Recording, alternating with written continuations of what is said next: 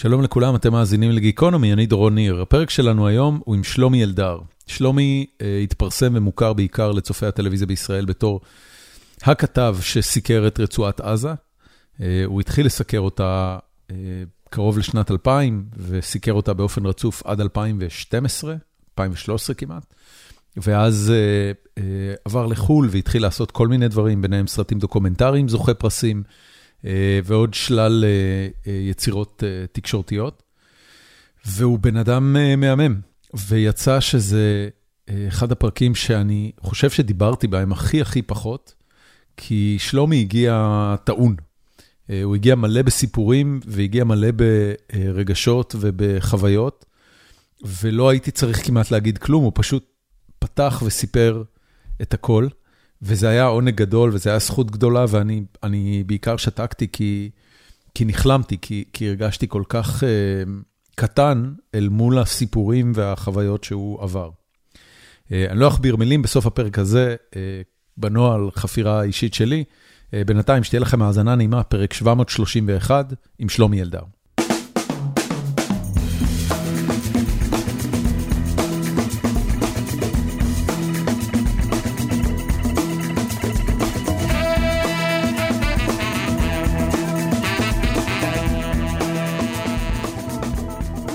תודה שהזמנת, אני בעוד כמה שעות אה, טס לדבלין. רציתי באמת לשאול אותך על זה, אה, אה, רשמת לי שזה הבן שלך, נכון? כן, הבן שלי התקבל לאוניברסיטה בגלסגו וגם בוויסקונסין, וכרגע הוא שוקל או ויסקונסין, שזה קור אימים בחורף, או גלסגו שהיא גם אוניברסיטה טובה ויותר קרובה לישראל ואני פוגש אותו בדבלין כדי אה, ללכת לראות יחד איתו את, אה, את האוניברסיטה בגלסגו. נראה לי במצב הקוסמופוליטי הנוכחי אה, אירלנד עדיפה. קודם כל, אני יודע, לא יודע, אני, אני אוהב את אמריקה, אז, אבל דבר אחד הוא קיבל בשנות שהותי בארצות הברית, הוא קיבל אנגלית שפת אם, מה שלי לצערי אין. כן. ראיתי אתמול בלילה את uh, ארץ זרה. Uh, זה, אני, אני מניח שזה אותו בן שניהל, שניהלת איתו את השיחה באוטו. כן. Uh, איך הוא מרגיש היום לגבי uh, לאומים ועמים ומדינות? Uh, הוא חי במקום שאין בו גבולות, uh, שהוא לא מבין למשל את ה... לאומיות, אה, או נקרא לזה את העניין הזה שיש מדינת יהודים והיא רק פתוחה רק ליהודים, אה, או שיהודים יש להם זכויות יתר, כי הוא גר בארצות הברית מכיתה ד' עד, עד עכשיו, וקשה לו להבין, בארצות הברית כמובן זו מדינת מהגרים, זו מדינה שאסור לדבר על דת, זו מדינה שחלק מהמאזינים אולי לא יודעים, אבל זה אפילו לא שואלים בין איזו דת אתה, זו שאלה אסורה. והוא לא מצליח להבין את זה, אבל אני חייב לומר שהוא כן מבין ואוהב את הישראלים, את הישראליות הפתוחה, המאוד משוחררת, המאוד חברית, הסחבקית, ו... וכן, אה, הוא קיבל אה, מתנה ליהנות אה, מכל העולמות, ואני כן מצר על זה שלי זה חסר. מה לך חסר? חסרה לי השפה האנגלית על בוריה. שכנראה בגיל מסוים אתה לא תוכל לעולם אה, לדבר אנגלית בשפה רהוטה, נקרא פלואנט, אה, שזה לא רק שפה, זה גם ניואנסים, זה קודים, זה, זה סלנג, זה מיליון ואחד דברים. וכן, אני ישראלי, הייתי גם בארצות הברית ונשארתי ישראלי. אה, אני חושב ש... ש... שהבן שלי, ויש לי עוד בן צעיר ממנו, כן, הם קוסמופוליטים. הם אזרחי העולם. כן. רצית את זה בשבילם? אה, לא תכננתי. זאת אומרת, אה, כשאתה עברת לארה"ב, מתי זה היה? ב-2012? 2013. 2013, זה כבר עשר שנים. כמה הייתם שם עד שחזרת? היינו כמעט עשר שנים, תשע ומשהו, כן. אוקיי. כשאתם עברתם לשם, זה היה, זאת אומרת, חשבת על זה שאתה בזה הולך להפוך את הילדים שלך לאזרחים גלובליים במקום ישראלים? אני כמו רוב ישראלים, אני חושב כמו 99% מהישראלים, נסענו לשנה. בשנת 2012 נמאס לי מהתפקיד שלי בערוץ 10, הערוץ כל הזמן היה על סף סגירה, אני מספר את זה בסרט ארץ זרה, נכון. בקצרה, שאנשים כבר לא רצו לשמוע את, אני חשבתי שלא רצו לשמוע את מה שיש לי להגיד, הרגשתי ש... ש... שאני רוצה משהו חדש, אני מדבר על 2012, ב-2012 הייתי עטור, אה, נקרא לזה, כן, אני יכול להגיד עטור תהילה מהסרט חיים יקרים שהיה ב shortlist של האוסקר, שהוקרן ב-HBO, שהייתי מרצה מבוקש כמעט בכל העולם, הסרט הזה הוקרן במדינות שונות שאני לא אתחיל למנות אותן עכשיו, בבתי קולנוע, בקיצור הייתי celeb, וההצלחה הגדולה הייתה באמריקה, והספר שלי להכיר את חמאס יצא ב-2012, והתקבלתי למכון מחקר Wilson Center בוושינגטון די.סי. מה זה המכון הזה? זה מכון מחקר פדרלי, מאוד מאוד נחשב. אה, ווילסון זה על שם... אה, כן, על שם ההוא ממלחמת... אה, זה וודרו ווילסון, אוקיי. כן, וודרו ווילסון קצת היום, גם הוא קצת איבד מ... לא, לא, אני חשבתי שזה אה, היה חבר קונגרס או סנאט, אני לא זוכר את לא, שמו, לא.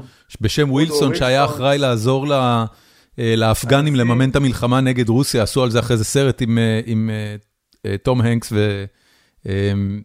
ו... לא, לא, זה הנשיא האמריקאי, אוקיי, שכרגע בגלל, בגלל שהוא היה עסוק אה, בעבדות, אז אם uh, התעוררו את המחאה בארצות הברית, כן, אז ביטלו, גם, uh, ביטלו גם אותו. ביטלו גם אותו, ובדרך הזאת עוד יבטלו הרבה דברים. זה אחד הדברים שכן הפריעו לי בארצות הברית, זאת אומרת, אתה לא יכול לשכתב היסטוריה. בקיצור, נסענו לשנה אחת. ואחר כך... נסעת מראש למחקר, או שזה היה כזה אדם בעקבות גורלו, בוא נראה מה יהיה? לא, לא, בעקבות מחקר. עכשיו, גם, גם, לזה, גם זה סיפור. אה, זה בדיוק אה, הספר שלי להכיר את חמאס יצא, ובאותה שנה האחים המוסלמים היו בשלטון במצרים, מורסי, והצעת המחקר שלי הייתה מתנועה קיצונית אה, מ, ל, ל, לשלטון, זאת אומרת לפרגמטיות שלטונית. בדרך כלל, כמו שעבר חמאס, חמאס מארגון טרור, השתלט על השלטון, אגב בדרך כוחנית, לה בעיה לקבל, אתה יודע, את הכללים של, של שולט. וזה מה שחשבתי שיקרה גם לאחים המוסלמים. קרה דבר מאוד מאוד מוזר, בפער שבין התקבלות שלי ל-Wilson Center להגעה שלי ל-Wilson Center הייתה הפיכה צבאית במצרים והאחים המוסלמים הועפו מהשלטון כן. והצעת המחקר שלי נראתה כבר לא רלוונטית. ו... היא, הייתה, לא רלוונטית בגלל שהם פשוט נכשלו ב, ב, במהלך הזה? לא, הייתה. הפיכה, הייתה הפיכה צבאית, גירשו אותם מהשלטון. לא, לא, זה בסדר, אוקיי. אבל המחקר שלך היה ספציפית אמור להיות על האחים המוסלמים או על באופן כללי המעבר של תנועות קיצוניות קיצוניות לשלטון? הבנתי. כפרלל, אוקיי. וקייס מחקר גם אה, חמאס, מה, מה קרה לחמאס. חמאס הוא סיפור אחר, זה ארגון, ארגון בעזה נצורה, האחים המוסלמים... כן, מדינה. כלכלה עצומה. כן, ו... ועוד לפני שאמרנו ג'ק רובינסון, הצבא המצרי, בראשו הגנרל מורסי, אה, הגנרל הסיסי, אה, פשוט העיף אותם מהשלטון. כן. אני נשארתי בלי הצעת מחקר, אבל זה היה נורא נורא פשוט, כי הם נורא נורא התעניינו במחקר שלי על חמאס, וזה מה שעשיתי בתקופה הזו. אה, אחר כך קיבלתי הצעה לבוא למרילנד יוניברסיטי, גם לשם הלכתי, אחר כך הייתי גם ב-NYU, אה, מדי פעם יוצאתי ממכוני מחקר בארצות הברית, מכוני מחקר, הייתי גם בווסט פוינט, באקדמיה הצבאית האמריקאית, שזאת הייתה חוויה בלתי רגילה. ובין לבין, אה, בארצות הברית אה, עשיתי עוד כמה דברים שאני לא אעלה אותך בהם, אבל נהניתי מההרפתקה של ארצות הברית, ועוד עשיתי שני סרטים, את ארץ זרה שהתחיל להיות מצולם בישראל, ואת להיות ענת קם, כן. שצולם ברחבי ארצות הברית. שחלק מזה היה קשור, אה, זאת אומרת, כמה מלעשות את הסרט על ענת קם היה קשור לזה שאורי בלאו חי בארצות הברית בשנים האחרונות? לא היה קשור בכלל. הבנתי, אוקיי, זה, זה לא, לא היה פקטור. לא היה קשור בכלל, ענת קם, אה, ב-2018 עברנו לגור בארצות הברית, עברנו לגור בניו יורק. אוקיי. החלטנו לחוות את החוויה של ניו יורק, חזרנו שנתיים אחר כך לבית שלנו במרילנד בגלל פרוץ הקורונה והתחושה שניו יורק מפחידה. וחזרנו לבית שלנו, יש לנו בית במרילנד וחשבנו ששם נוכל להעביר את תקופת הקורונה טוב יותר מאשר בדירה בניו יורק. אוקיי. Okay. באותה תקופה ענת קם יצרה קשר עם אשתי.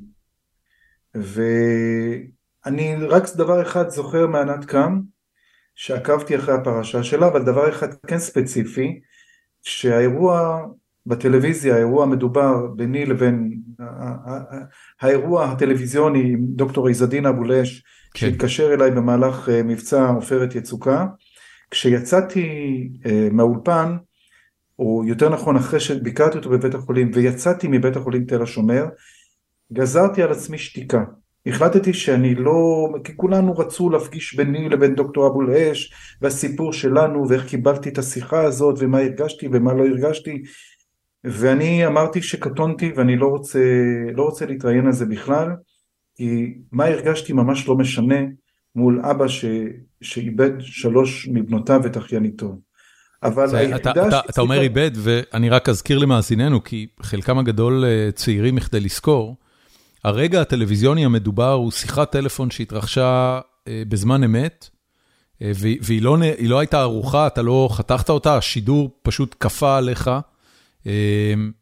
ו, ובעצם דיברת איתו כשהוא מחזיק את בנותיו המתות בידיים באותם שניות ממש. הוא לא מחזיק אותם מתות, הם היו איברים, זאת אומרת זה הרבה יותר גרוע. אבל אם תרצה נחזור על הסיפור הזה שרודף אחריי אחרי הרבה שנים, אני, אה, אני, אני אספר לך גם איך כל הזמן הדפתי את הסיפור הזה ממני והוא חזר אליי. אוקיי. אה, אבל בוא נגמור את הסיפור הזה של אה, בסדר גמור. קם.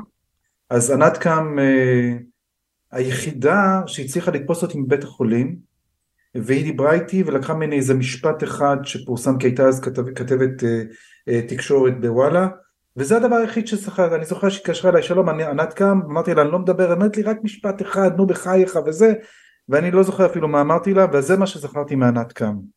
כשהגענו ב-2018... רגע, שלומי, רק שאלה קטנה, זכרת את זה לטובה? כי היא הייתה מנומסת או כי היא הייתה חטטנית כמו עיתונאים בשעת, אה, בשעת צרה? האמת שאני לא זוכר מה זכרתי, אבל רק זכרתי שדיברתי איתה. אוקיי. אני אגיד לך למה זכרתי. שכשתפסו אותה, כשהפרשה התפוצצה, ואני גיליתי, תראה, דיברו על פרשה ביטחונית. כן, כן, כן, כן, עשו ממנה מרגלת אטום. מרגלת אטום ואף יותר מזה. ואני זוכר שפתאום זה פורסם, ענת קם, אורי בלאו, אמרתי, זאת הפרשה? זאת ענת קם, היא דיברה איתי הרי בטלפון, זה מה שזכרתי, אז מפה זכרתי אותה. אוקיי. אבל... והיא יצרה קשר עם אשתי, ויצרה קשר עם אשתי, לא אליי, אבל היא אולי חשבה אה, שיחת נשים, הם נפגשו שם, ואני מניח שענת קם, לא מניח, אני יודע שענת קם ביקשה מאשתי לעזור לה למצוא עבודה בארצות הברית, לא שאשתי יכלה לעזור לה, אבל היא שלחה את לחמה בכל מקום. יש סיבה שהיא פנתה לאשתך? אשתך עסקה בזה? אה, לא, אני חושב שהיא לא הכירה את אשתי, אבל היא קישרה אותה איתי. זאת אומרת, היא פנתה להתייעץ עם אשתך אה, מתוך זה שהיא יודעת שהיא אשתך ומי אתה. כן, אני מניח, כן. אוקיי.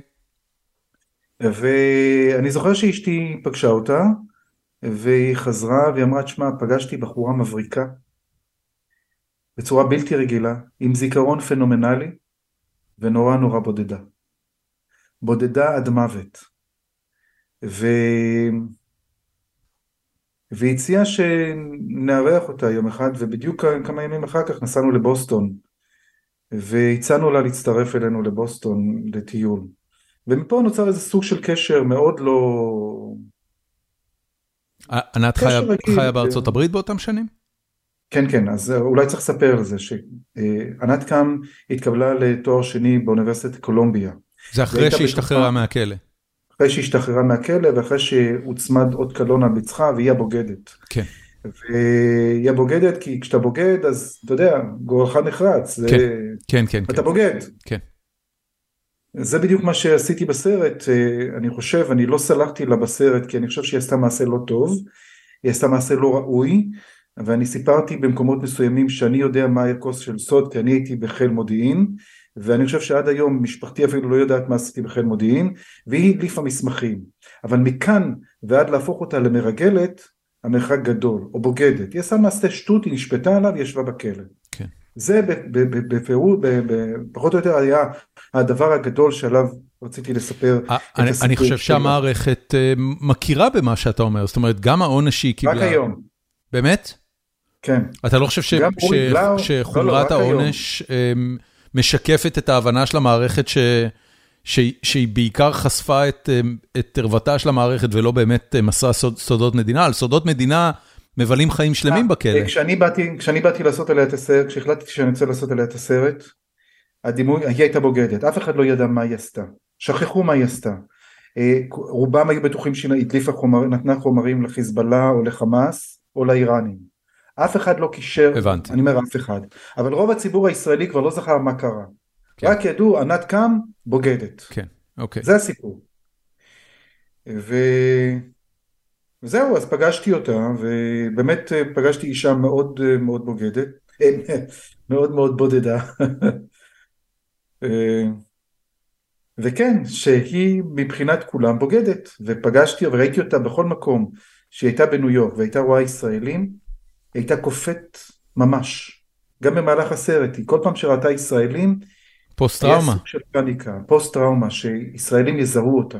כן. ומפה הצעתי לה לעשות סרט, ומפה יצאנו לדרך, ואני שמח שבעקבות הסרט הזה, א', הציבור הישראלי אה, לא יודע להגיד אם סלח לה, אבל הבין שהיא שילמה את אה, חובה לחברה. תראה, לפי, לפי כמות העוקבים שיש לה היום בטוויטר... אה, היא סלב, כן. כן, לא, אתה יודע, זה, זה, זה מסוג הדברים שאנחנו חיים בתקופה מוזרה. קריס רוק ב special האחרון שלו אמר שבן אדם יכול להיות היום celeb בזכות זה שהוא מצוין במשהו, בזכות זה שהוא בן אדם גרוע, או בזכות זה שהוא קורבן. אז אני אני לא יודע בדיוק לסמן איפה היא על הסקאלה, אמ, אבל אבל היא היא ללא ספק אישה מרשימה שאומרת את דעתה, יש לה אומץ, יש לה כן. אמ, יש לה גם דעות טובות, אתה יודע, אני אני מתחבר להרבה מהדעות שלה. אה, אני אני רוצה אבל... אני רק אגיד, כן. אגיד דבר יותר חשוב, מהעוקבים בטוויטר, בעקבות הסרט וההד הציבורי, היא קיבלה עבודה נחשקת בארץ, היא עורכת מדור דעות כן. דיגיטל בעיתון הארץ, וכותבת דעות. טוב מאוד. ועכשיו שופטים אותה לא כענת קם המדליפה המרגלת, אלא ענת קם שהייתה אמנם בכלא, אבל היא גם דעתנית, והיא כותבת, אה, אה, היא כותבת דעות בעיתון הארץ.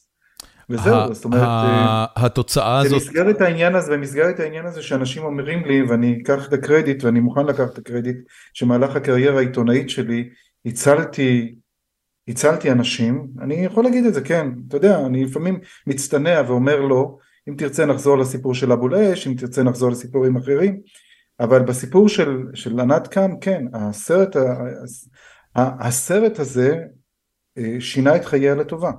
כן. ואני כן לוקח את הקרדיט הזה אליי, כי אלמלא היא הייתה פוגשת אותי, אני לא רוצה לחשוב איך זה נגמר. אני, אני רוצה לשאול אותך ואז לחזור לסיפורים האלה שציינת קודם. אה, זה נשמע שהמהלך גם של, אה, אה, גם של לעזוב את חדשות 13, סליחה, חדשות, חדשות ערוץ 10 כמובן, והמעבר לארצות הברית,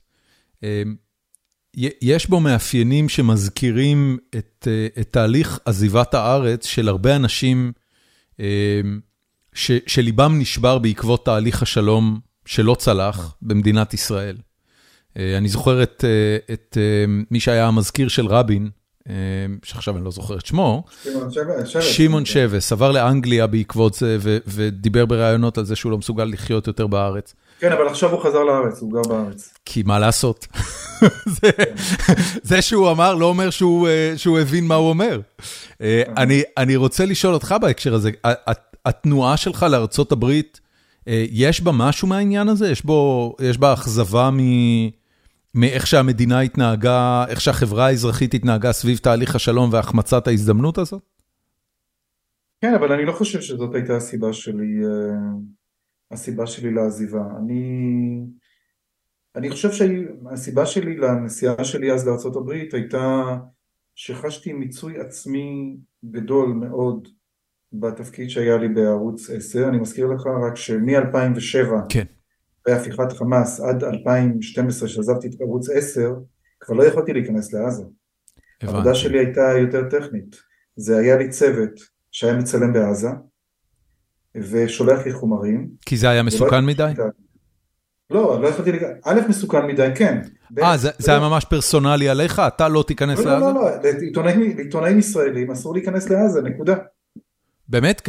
גם אה, אין אה, עיתונאים? אין אף עיתונאי, אני העיתונאי הישראלי הראשון שנכנסתי לעזה בשנת 2008 לדעתי, אה לא, סליחה, ב-2009, שבוע לפני עופרת יצוקה, אהודור בן זימן שהיה מנכ"ל חדשות ערוץ 10 הציע לי לעלות על ספינה שיוצאת מקפריסין לעזה כדי לראות מה קורה במצור בעזה ודובר על סוף תהליך התהדיה, תהדיה זה היה מין כן, שישה מה... חודשים של הסכם uh, הפסקת אש. כן. Uh, אני בהתחלה חששתי, אבל דיברתי עם כמה אנשים שעוד היה לי קשר איתם בחמאס. Uh, אני יכול להגיד לך, אחד מהם רזי חמד, דוקטור רזי חמד, שבסופו של דבר uh, היה שותף עם גרשון בסקין לשחרורו של גלעד שליט. Uh, באותה תקופה גם היה לי uh, הייתי מתקשר לדוקטור מחמוד א-זהר, אחד האנשים הקיצוניים בחמאס אגב, והוא היה עונה לי לטלפון. וראיינתי אותו כמה פעמים והוא דיבר, ו...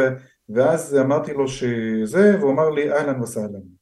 ואחרי שווידאתי שהאהלן וסהלן הזה קיים, אה, עליתי על ספינה בלימסול אה, והפלגנו לעזה. אה, איך זה היה? לפני שהגעתי, לפני, ש... לפני שהספינה הגיעה לעזה, חיל הים יצר קשר עם הספינה והציע אה, לי ומי עוד היה איתי ישראלי? אני חושב שאולי אמיר האס, אני לא, אתה יודע מה, אני כבר לא זוכר. לא, לא, אה, אני לא זוכר. הוא הציע לי לרדת מהספינה לטובתי, כי זה לא בטוח. לא אה, בטוח לעשות... כי חיל הים אה, צפוי לפתוח באש? אה, תכף אנחנו נגיע גם לזה. אוקיי. Okay. כי אני חיי בס... עלולים, להיות, עלולים להיות בסכנה בעזה. לא, לא, לא רציתי שספינת חיל הים תחלץ אותי וירדתי בעזה והכניסו אותנו לבית מלון ומיד הגיע אליי הבן של אסמאעיל הנייה. והבן של אסמאעיל הנייה שאותו הכרתי כילד קטן וואי, אני מלא סיפורים, אני יכול לספר לך גם על הילד הקטן הזה אם תזכיר לי יותר מאוחר. בקיצור, הוא כבר היה גבר, והוא בא והוא התיישב על ידי והוא שאל אותי, תגיד, ישראל תפתח במלחמה? אה, אמרתי לו, אני לא יודע, אומרים, כי אומרים שברק, אה, אהוד ברק היה שר ביטחון, אה, רוצה לפתוח במלחמה כדי להגדיל את מספר המנדטים שלו. ואמרתי לו שאני לא יודע, בן כמה הוא היה שהוא אמר לך, אתה יודע, זה זה משפט אה, של ציניות פוליטית מופלאה. בן לא, כמה הוא היה? זה לא ציניות פוליטית, זה אנשים שמכירים היטב את המתרחש בישראל. כן, זו עדיין ציניות פוליטית. כן. להגיד יוצא למלחמה כן. כי הוא צריך מנדטים זה הבנה... כן. אתה יודע, אתה צריך הרבה עונות של הבית הלבן כדי להפנים דבר כזה. בקיצור, אמרתי לו, אני לא חושב. הוא אמר לי, מה אתה לא חושב? אתה לא חושב שתהיה מלחמה? אמרתי לו, אני לא חושב שאהוד ברק אה, מתכוון לפתוח במלחמה רק כדי להגדיל את, ה, את, ה, את התנועה שלו, ישראל אחת זה היה בשעתו, ולדעתי, אני לא בטוח שתהיה מלחמה, אבל זה נורא תלוי בהמון המון גורמים. סליחה, טעיתי, אני חושב שאחר כך הם זכרו לי את זה, ובקיצור הייתי שם כמה שעות. אה, הסתובבתי עם הצלם שלי והצוות שלי במחנה הפליטים ג'באליה, אה, ראיתי משהו אחר מעזה שאני מכיר, כי עכשיו זה חמאס, ו... ואני זוכר שחזרנו למלון בסביבות השעה שש בערב, תלוי שם, אה, שש בערב, ואיך שנכנסנו, הגיעו אליי שני ברנשים בלבוש אזרחי, ואמרו לי, שלמה, לי, קוראים לי שלמה, באנו לקחת אותך למחסום ארז. ואמרתי להם, למה? והם אמרו, אנחנו לא יודעים למה, קיבלנו הוראה להוציא אותך.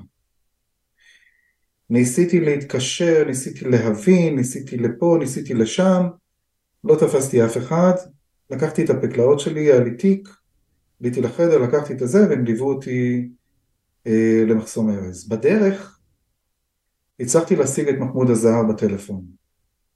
ואמרתי לו, אתם שלחתם שוטרים להוציא אותי החוצה? אז הוא אמר לי, כן, אנחנו לא רוצים לקבל אחריות עליך. אנחנו, אם אנחנו מזמינים מישהו, אנחנו דואגים לשלומו. אה, זה זמן כנראה לא טוב, ואנחנו מעדיפים שלא תהיה כאן. ההערכה שלי היא שהם האזינו לטלפון שלי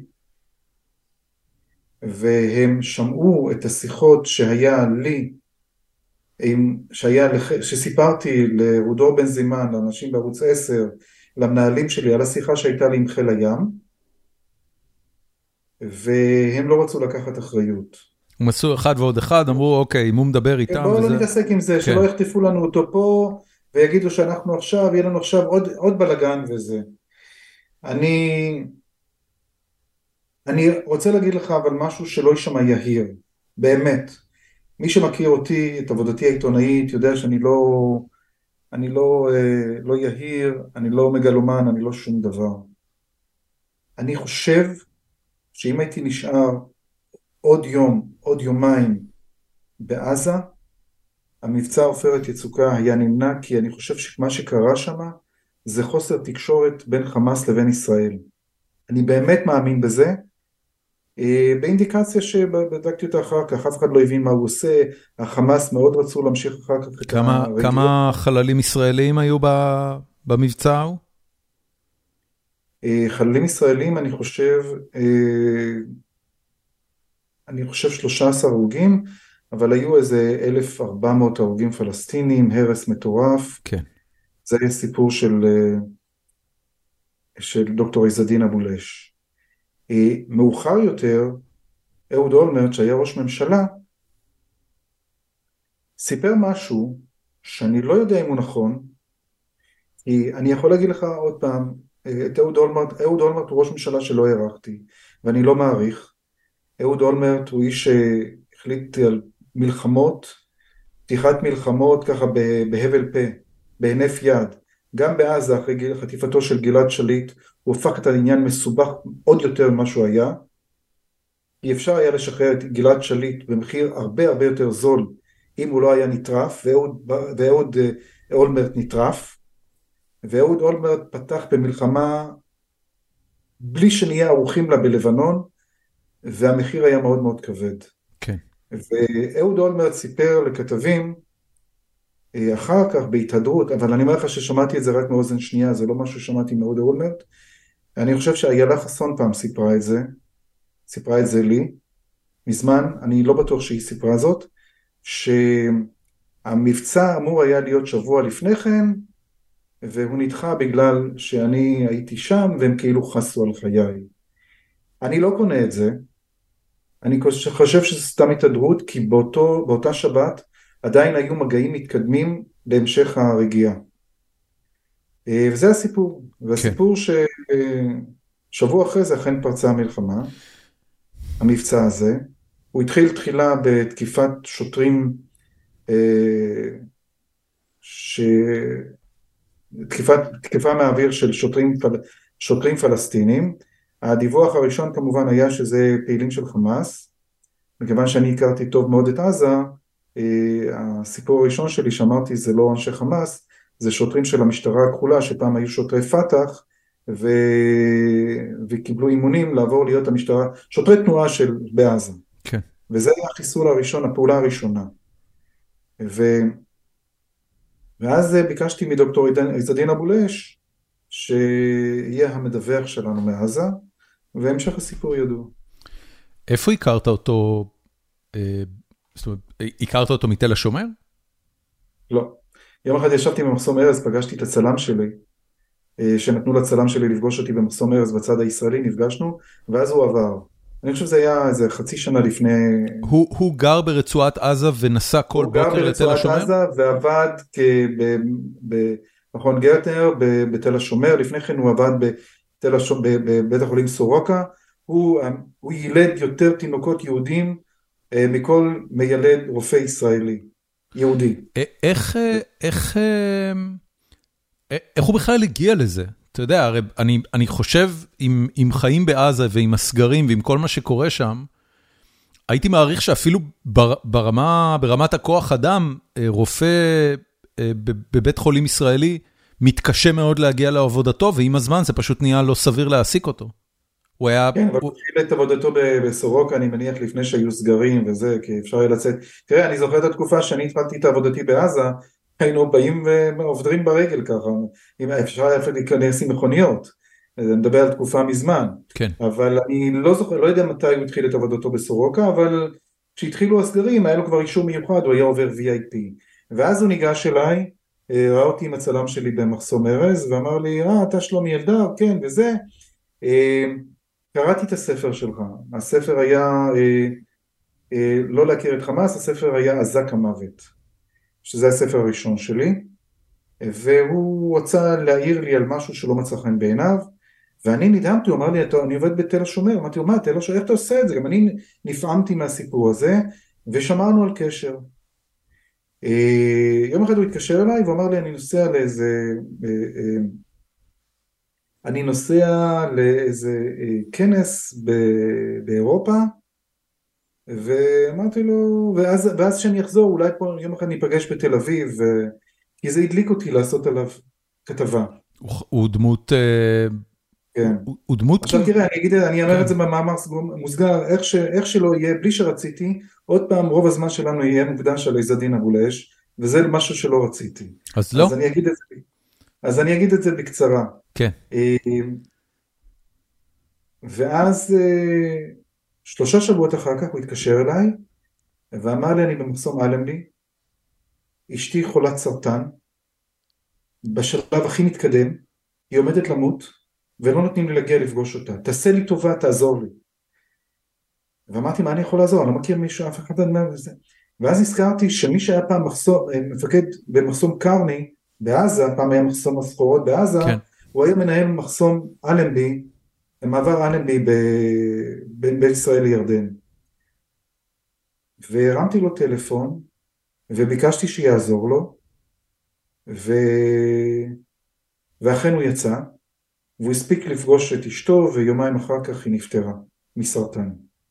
וארבעה חודשים אחר כך היה האירוע המדובר שבו צה"ל הפגיז שני פגזים על הבית שלו, שלוש בנותיו ואחייניתו נהרגו ובתו שדה אה, כמעט איבדה את עינה והיא ניצלה בבית החולים תל השומר. אני רק אספר סיפור אחד קטן ברשותך. בטח. ש... אה, כשהגעתי לבית החולים תל השומר, תראה אני יכול לספר על הפרשה הזאת המון כי תמיד שואלים אותי, אבל באמת כי אה, באתי לשדה לראות אותה בבית החולים יום למחרת והיא לא רצתה לראות אותי. והיא לא הייתה מוכנה שאני אכנס לחדר שלה, כי אני ישראלי. ואבא נשאר לשכנע אותם, אמר רשדה זה שלומי, זה הוא עשה שידור, והוא חביב נב, כאילו, הוא, אנחנו תמיד מלמדים על שלום, רק בבקשה, בקשה אחת, איכשהו הצליח לשכנע אותה, אבל היא הייתה עם רתיעה על העין, רתיעה רפואית. בת כמה היא? היא הייתה אז בת, אה, בת 15 אני חושב שהיא הייתה. אוקיי. Okay. ו... והיא יודעת שהאחיות שלה נמחקו. לא, לא, היא, ידעה אז כי היא הייתה שם בחדר. הבנתי. ו, ופינו אותה לבית חולים, אגב זה מחזה קורע לב שאתה רואה את הפינוי שלהם במעבר ארז, לא משנה, בקיצור, אה, צילמתי מה שצילמתי לכתבה ששודרה אז בטלוויזיה, ולא פגשתי אותה אחר כך. בסרט אה, ארץ זרה, כשרסן עבאס הגיע לוושינגטון די.סי להעלות את ההצגה על חייו, אבולש... על חייו של של עזדין אבולש. של אבולש. כן. הצגה נקראת לא אשנא. כן. היא הגיעה, הוא הביא את כל משפחתו, וראיתי אותה בכניסה, והיא באה אליי, ואמרה לי, שלומי, תודה. תודה ש... תודה, היא אמרה תודה, אבל הכוונה הייתה תודה שהצלת את חיינו. אני מוכרח לומר שהזלתי דמעה, והיא אמרה לי, אתה המשפחה שלנו. וזה נורא ריגש אותי. גם עכשיו שאני מספר על זה, זה נורא ריגש אותי. זה, זה מאוד מרגש. איפה, איפה היא חיה היום? זהו. אה, אני החלטתי לפני ארבעה או חמישה חודשים לעשות אה, ראיון איתו ששודר בערוץ 13, אחרי שבמשך 14 שנים סירבתי לכל מפגש מתוקשר איתו, לא שלא נפגשנו, נפגשנו הרבה פעמים, אבל לא רציתי, זה לא, זה לא התאים לי, זה נראה לי צהוב מדי, הכתב, השדר, שזה נפגשים לראשון. כן, אתה דמיינת את הפרומואים ולא בא לך על הסיפור? ולא בא לי ולא רציתי ולא חשבתי שיש לי מה להגיד, ותאמין לי, פנו אליי מה-CNN ומה-BBC. ברור. רק פעם אחת, וכאילו מהניו יורק טיימס, ואני זוכר שפעם אחת בפנורמה הבריטית, אה, לא עשו מפגש, אבל אה, תיארתי באולפן את מה שהיה, וזה הדבר היחיד שעשיתי, וזה היה איזה חצי שנה אה, אחרי עופרת יצוקה. וכשהתחלתי לצלם את ארץ זרה, את רסן עבאס, צילמתי אותו פה בישראל, זה התחיל מרצון שלי לעשות סדרה על הפילוג בחברה הישראלית. אוקיי. Okay. וחתמתי, כבר כמעט חתמתי הסכם עם רשת, זאת הייתה רשת לפני שהתמזגו עם ערוץ 10, על שישה פרקים על החברה הישראלית. ואת רסן עבאס צילמתי למי שמאפיין את, ה... את ערביי ישראל, חלק מערביי ישראל. למרות שהוא מגדיר את עצמו בתור, בתור מישהו שלא מרגיש שייך בתל אביב ולא מרגיש שייך באום אל-פחם? אה, כן. זאת אומרת, אני יכול להגיד לך שמהיכרותי, אני השבוע הייתי באום אל-פחם, הלכתי לעשות לבן שלי דרכון. באמת? שם הצלחת להציג. שם היה המקום היחיד שמצאנו. אוי, גדול. קיבלו אותי, קיבלו אותי שם, פרסו לי שטיח אדום, הצטלמו איתי, התרגשו נורא, זכרו אותי, וזה היה, הבן שלי עמד ואמר, יואו, אבא, כאילו, מה קורה פה? ו... ויצאנו שם עם דרכון, לא יודע, דרכון יישלח בדואר. אז רוב, אני חושב שרוב ערביי ישראל, הזהות שלהם זה דבר נורא נורא מעניין והוא מרתק עבורי. כן. מכל מקום, אה, הסדרה הזאת בסופו של דבר לא יצאה אל הפועל, אבל אה, כשראיתי את החומרים על חסן עבאס החלטתי שאני, את זה אני לא זורק לפח. והמשכתי, החלטתי שאני ממשיך לעקוב, רק דבר אחד החלטתי, הוא בדיוק התחיל את החזרות על ההשגה לא אשנא של של, מבוסס על פי ספרו של דוקטור עזדין אבו לאש. ואני במתכוון לא הלכתי לצלם לא את החזרות ולא את הבכורה. ואפילו הזמינו אותי אז לבוא ולשוחח אה, זה על ההצגה, לקידום ההצגה, באתי והתעקשתי לא לצלם כי אמרתי שאני לא רוצה שהסיפור הזה ירדוף את כל, את כל הקריירה העיתונאית שלי כי רק איזה זוכרים לי. חשבתי שעשיתי עוד כמה וכמה דברים שאני יכול להתגאות בהם ולא מעט. בשיחה, בעניין של אבו לש, כל מה שעשיתי זה, היה לי אומץ ללחוץ על הספיקר של הטלפון שלי. אבל, ואיכשהו רצה הגורל, ויום אחד רסן עבאס מגיע עם ההצגה שלו, לא אשנא, לוושינגטון די.סי, יחד עם אבו לש. ואמרתי, זהו. היקום... אה, מה שלא תעשה, הסיפור הזה ירדוף אחריך. ואני הלכתי, פגשתי אותו אה, בטורונטו, כי הוא רצה לראות את הרפקת של הסרט. והייתה שיחה מדהימה ביני לבינו, שנמשכה איזה ארבע שעות במשרד שלו בטורונטו, שאם היא הייתה מצולמת, היא הייתה שווה סרט בפני עצמו, ועברנו להומור שחור. ואני זוכר שאמרתי לו, ב... אתה יודע, כי אפשר להתמודד עם טרגדיה כזאת רק לפעמים עם הומור. ואמרתי לו, אתה הרסת לי את הקריירה העיתונאית שלי.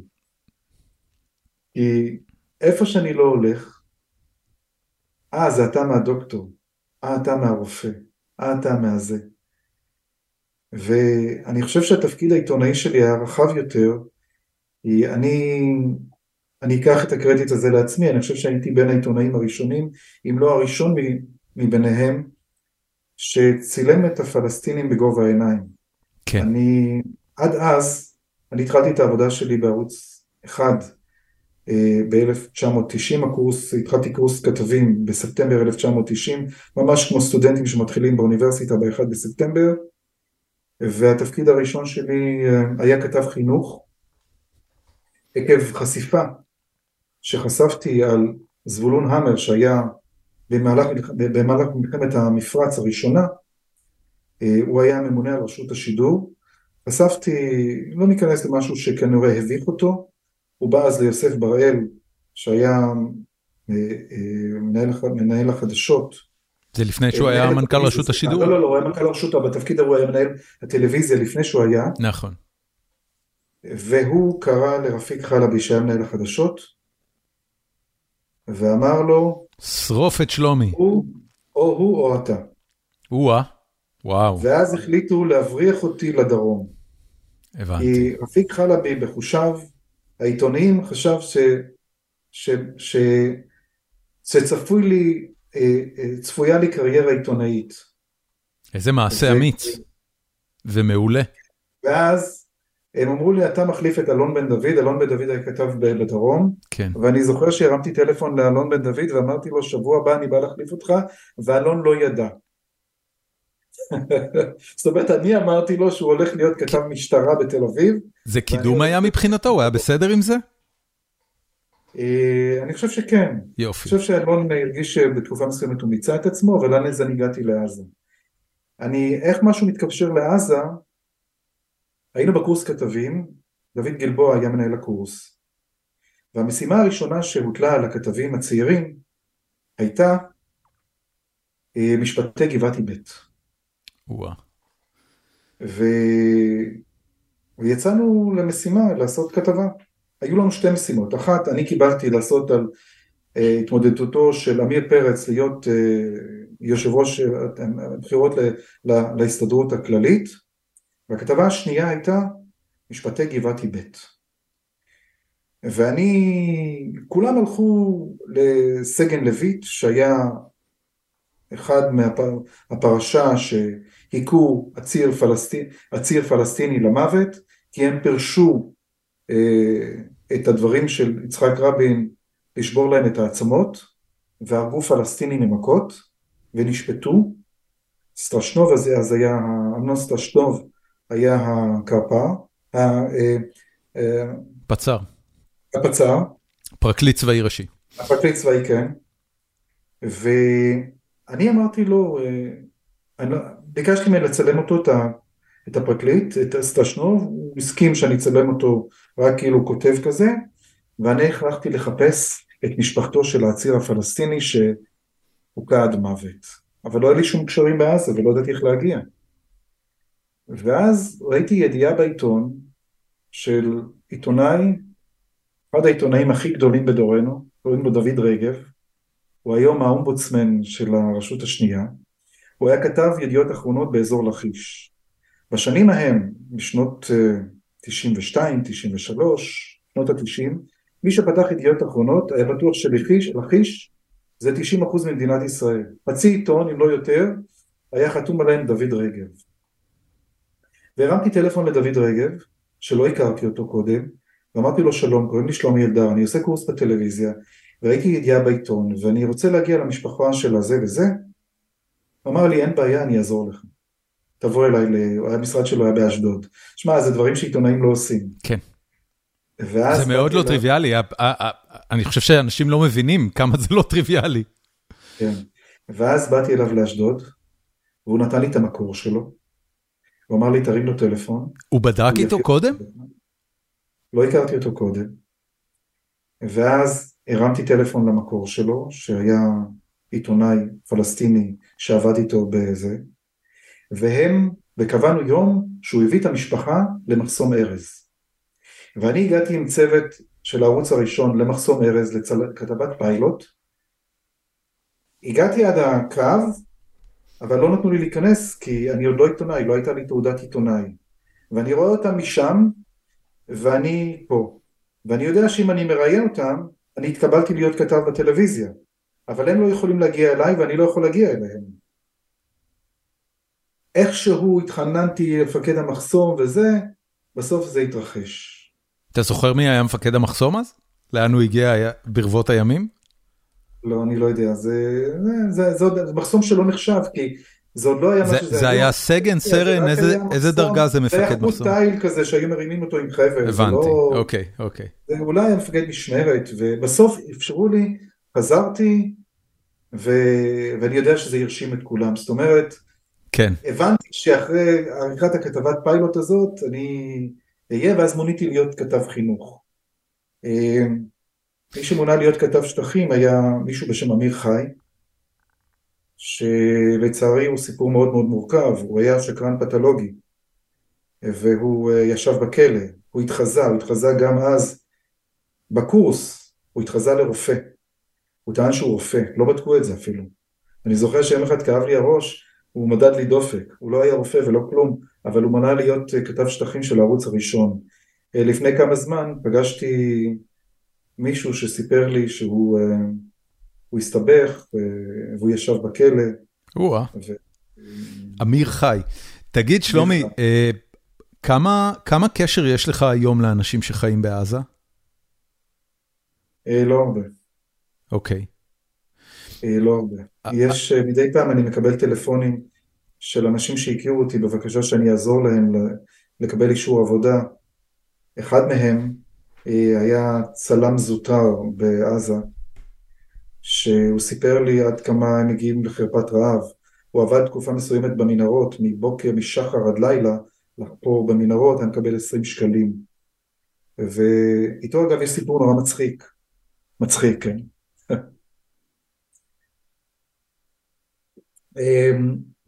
הצלם שלי, זיכרונו לברכה, אה, שמת לפני שנה, אה, לקח אותו כעוזר צלם. מה היה שמו? אה, מה היה שמו של הבחור? לא, הבחור, של הראש הצלם. של- תכף אני אגיד לך, אוקיי. אוקיי? קראו לו מג'די ערבית. מג'די ערבית, אה, טוב אני אספר את הסיפור הזה ואחרי זה אני אספר על מג'די ערבית. כי אתה בסדר. רואה סיפור מוביל לסיפור. כן, אה, רקמה אנושית. כן.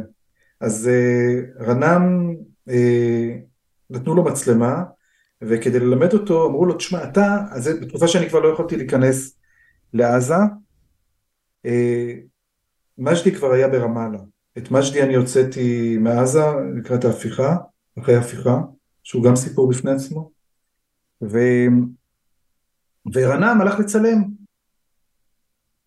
ואמרו לו, אתה צריך להיות תמיד ראשון. תמיד, תמיד, תמיד אתה הראשון. זאת אומרת, יש הרבה צלמים פלסטינים וזה, אתה צריך לשמש דוגמה, אתה צריך להקדים את כולם. ואני נמצא בקונטרול בערוץ 10, ואני מקבל את החומרים מעזה, והחומרים שהגיעו מראש היו חומרים של רויטר, כי רויטר הייתה להם צלחת לוויין, עוד פעם היו מעברים בצלחות לוויין, ואני רואה, היה איזה, איזה חיסול, נהרגו פלסטינים, לקחו אותם לבית החולים טיש, שיפא ב, ב, ב, בעזה, ועושים דבר נורא, אתה יודע, פותחים להם את המקררים לראות את הגופות. ואני רואה את רנם בחומרים של רויטר נכנס לתוך המקרר. ואני אומר אלוהים אדירים, מה הוא עושה? ואז הבנתי, אמרו לו תהיה ראשון. אז הוא נכנס לתוך המקרר לצלם את הגופות של הפלסטינים. זה רנם. אז אותו רנם התקשר אליי ממש לפני שבועיים, בבכי קורע לב, שאני אנסה לעזור לו. ואמרתי לו, רנם, אני, אני כבר לא יכול לעזור לך. אני לא מכיר כבר אנשים. אני לא יכול לפנות למישהו ולהגיד לו, תעשה. ונורא כואב לי לב. ויש לי עוד סיפור של מישהי שברחה מעזה, ובעלה, אם היא תחזור לעזה ירצחו אותה, והיא מתחבאת פה בישראל, והיא בהיריון, ואני לא יכול לסייע לה. ואני יודע שביום שיתפסו אותה, אני לא יודע אגב איפה היא נמצאת. היא מתקשרת אליי מדי פעם, ניסיתי לחבר אותה עם עורך דין, וזה גם כן לא עבד כי דרשו מהם הרבה כסף, ואני יודע שביום שיתפסו אותה ויחזירו אותה לעזה, בעלה המכה ירצח אותה. את אותה אישה אגב הכרתי במהלך הצילומים בסרט חיים יקרים. אישה מאוד יפה, שמסלול חייה הוביל אותה לאן שהוביל אותה. בעלה היה מאוד מאוד אלים, שני ילדים שלה עברו השתלת מח עצם. בגלל סרטן? כן, כי אין דבר כזה, כמו שבסרט חיים יקרים ריידה אומרת, אין דבר כזה שהיא אומרת לבעלה, אנחנו נפסיק להביא ילדים, הבעל אה, דורש את זה, וגם היא, יש לה ילדה בת שמונה וחצי, שגם היא עברה השתלת מח עצם עם דוקטור רז סומך בבית החולים ספרא בתל השומר, שעושים שם דברים נפלאים, ועכשיו היא מתחבאת עם הבת שלה בדירת מסתור בישראל, כן. כשלבת שלה, בת השמונה וחצי, יש כנראה התחלה של נמק ברגל, והיא לא יכולה להביא אותה לתל השומר. וביום שיתפסו אותה, אני יודע שישלחו אותה לעזה, ובעלה ואחיה שמחכים לה שמה, ירצחו אותה. אבל קצרה ידי, אני לא יכול לעזור. אני לא יכול. שלומי, אני, אני, לא אני, אני, אני אני לא רגע... יכול כי, כי, כי, אני לא, כי אני, לא רש, אני לא רשויות. כן. ואני לא, ואני לא, ואני לא חושב ש, שמישהו יכול לתת לה פה אישור שהייה בישראל. היא עזתית, והיא לא מאוימת על ידי חמאס, היא מאוימת על ידי בעלה. הדבר היחיד שאני יודע, שיש לה איזה חברה ישראלית שעוזרת לה, והדבר היחיד שיודע שנתתי להם מספר של עורכת דין, שאולי יכולה לעזור לה, אני לא יודע מה. אבל כן. קצרה ידי מלהושיע. אני, אני רוצה לשאול אותך, אה, כמעט כל הכתבות וארץ זרה ש, שראיתי בשבוע האחרון לקראת הפרק הזה, אתה, אתה, אתה עושה המון עבודה ומאוד טוב בלגרום למצולמים שלך אה, להיראות פשוט כמו בני אדם. בנסיבות בלתי נסבלות הם עושים מעשים אה, אציליים, אנושיים, אה, ואני אני רוצה לשאול אותך בעניין הזה, דווקא בתור מי שהיה בעזה ו, וראה את החיים אה, מקרוב כל כך הרבה שנים, יש איזשהו חלק אצלך ש, שרואה, ש, ש, שרואה את, את הצד השני בתור אויב? זאת אומרת, יש בכלל תפיסה של, של מהו אויב בקונסטלציה המסובכת הזאת? בטח, חמאס זה אויב שלי. תראה, אני אספר לך משהו. אה, בתקופה בעזה, תראה, יום אחד אסמאעיל הנייה הזמין אותי ב-90, אחרי שהוא שוחרר ממרג'ה זוהור, להעביר הצ- לרבין הצעת, אה, הצעת הודנה.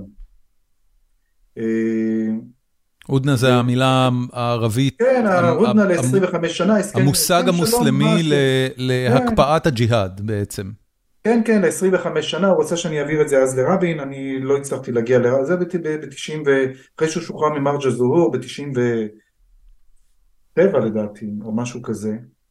בתקופה ההיא הכרתי גם כן את אה, רנטיסי, דוקטור אה, רנטיסי, שהיה איש אלים, עם סגנון אלים, הם היו, יחד עם אסמאעיל הנייה, הם היו במרג'ה זוהור, שם התגבשה ההנהגה של חמאס, אה, הגוורדיה של חמאס, רנטיסי הפך להיות מנהיג חמאס בעקבות זה שהוא ידע לדבר אנגלית. ואז כל התקשורת הלבנונית והבינלאומית היו מגיעים אליו, והוא התראיין באנגלית, והוא הפך להיות מה שנקרא הדובר שלהם. רנטיסי היה מדבר בשפה איומה. ו- מה זה אומר, נשחט אותם כזה? בשנאה, בשנאה איומה. ואני זוכר שהייתי בא לראיין אותו, אתה יודע, כבר שעוד היינו מגיעים לכולם, אנחנו... מעולם לא בירכתי אותו לשלום, כמובן לא ללחוץ יד, אני זוכר שהיינו מהנהנים ככה, ככה אחד לאחד בראש, ואז הייתי מתחיל לראיין אותו. אה, אגב, שואלים אותי הרבה פעמים על דעתי על החיסולים של ישראל.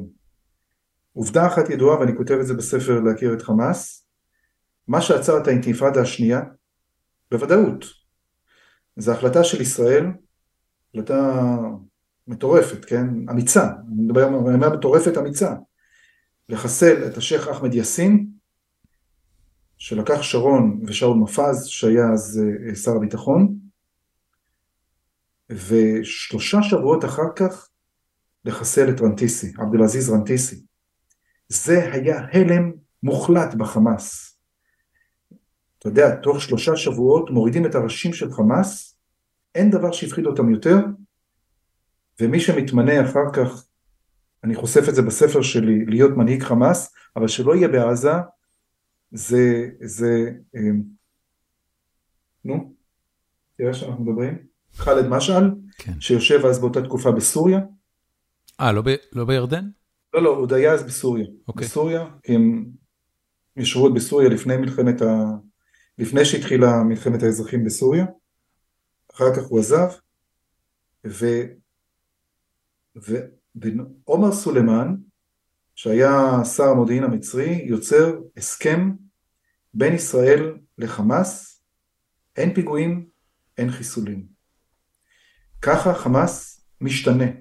חמאס השתנה באופן דרמטי בעקבות החיסולים של אה, השייח' יאסין ורנטיסי. הם מאז מחליטים להפוך לתנועה פוליטית שתתחרה בבחירות. וטוב, אני יכול להרצות פה שעתיים וחצי על מה זה. אתה, אתה, אתה, אתה מתאר פה איזו השתלשלות אירועים, והתחלת את זה מדעתך על החיסולים.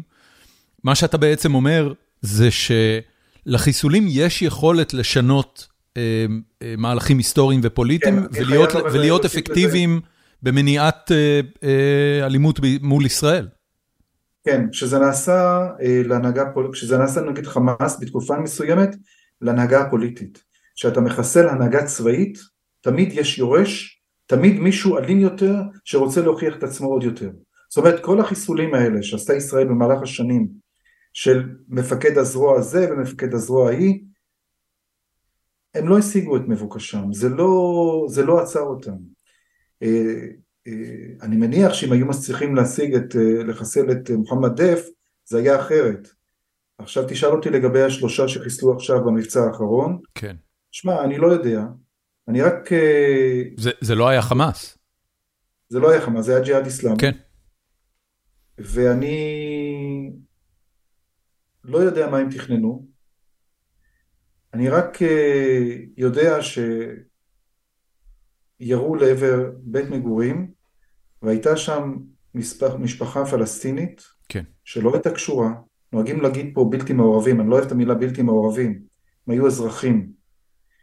אני רק, אה, אני לא מתווכח עכשיו אם זה היה נכון או לא נכון, כי אני באמת לא היה לי, אין לי את כל המידע. אם באמת אתה יודע שאלה שלושת אלה עמדו לבצע זה, אני לא יודע, אני לא יודע. אני באמת אומר לא יודע ואני לא רוצה לומר פה הסתייגות. אני רק מחזיר את העניין הזה לסיכולים. החיסולים, האור הירוק שניתן לצה"ל, ניתן על ידי אה, אה, מי שהיה היועץ המשפטי לממשלה, אליקים רובינשטיין, בשנת 2002. אליקים רובינשטיין התיר לצה"ל לעשות סיכול ממוקד בהתניה אחת, ברורה, אלא אם כן נעשו כל המאמצים ללכוד את המטרה. האיש, זאת אומרת את המפגע בדרך אחרת נכשלו, וברור שהוא פצצה מתקתקת. כן. רק אז מותר לבצע את הסיכול הממוקד, ובזהירות יתרה שלא ייפגעו אה, אזרחים. אתה, אתה מניח ממה שאתה רואה שההנחיות האלה עדיין נשמרות? ההנחיות האלה נשחקו מזמן. הבנתי. אה, כי אוקיי. המלחמה הפכה להיות אה, אלימה יותר.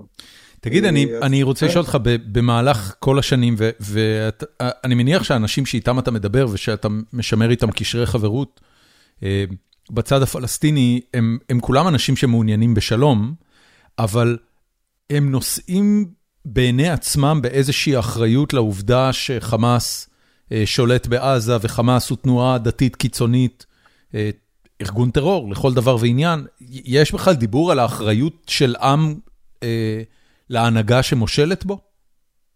אני לא אגיד לך מי, אבל מישהו שהפתיע אותי, אמר לי שכוס אוכטום, חמאס, הרגו אותנו. זה כולם אומרים, זאת הדעה על חמאס.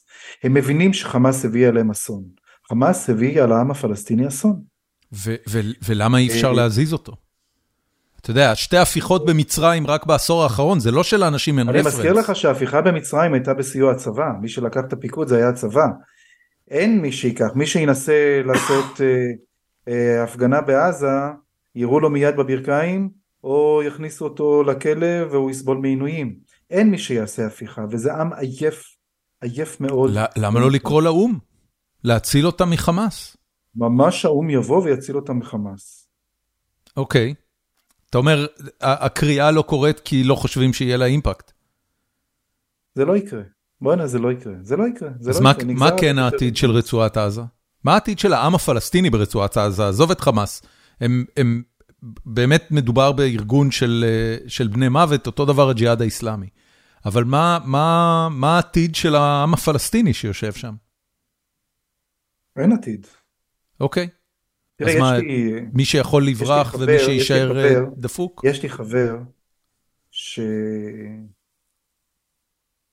תמיד היה, תמיד היה מדבר איתי, אנחנו מדברים עכשיו פחות, תמיד כל שיחה שלו הייתה מסתיימת ב"יהיה טוב".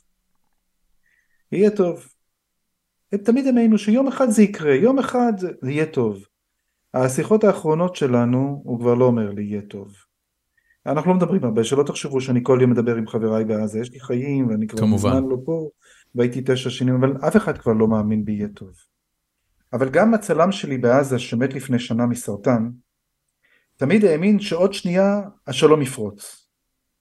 איתו אני מוכן לספר את הסיפור המאוד דרמטי, אני רואה שאנחנו כבר מדברים די הרבה זמן. הכל בסדר, יש לנו כמה זמן שצריך. אני אספר, אני טס הלילה לדבלין, אני מזכיר לך. כן.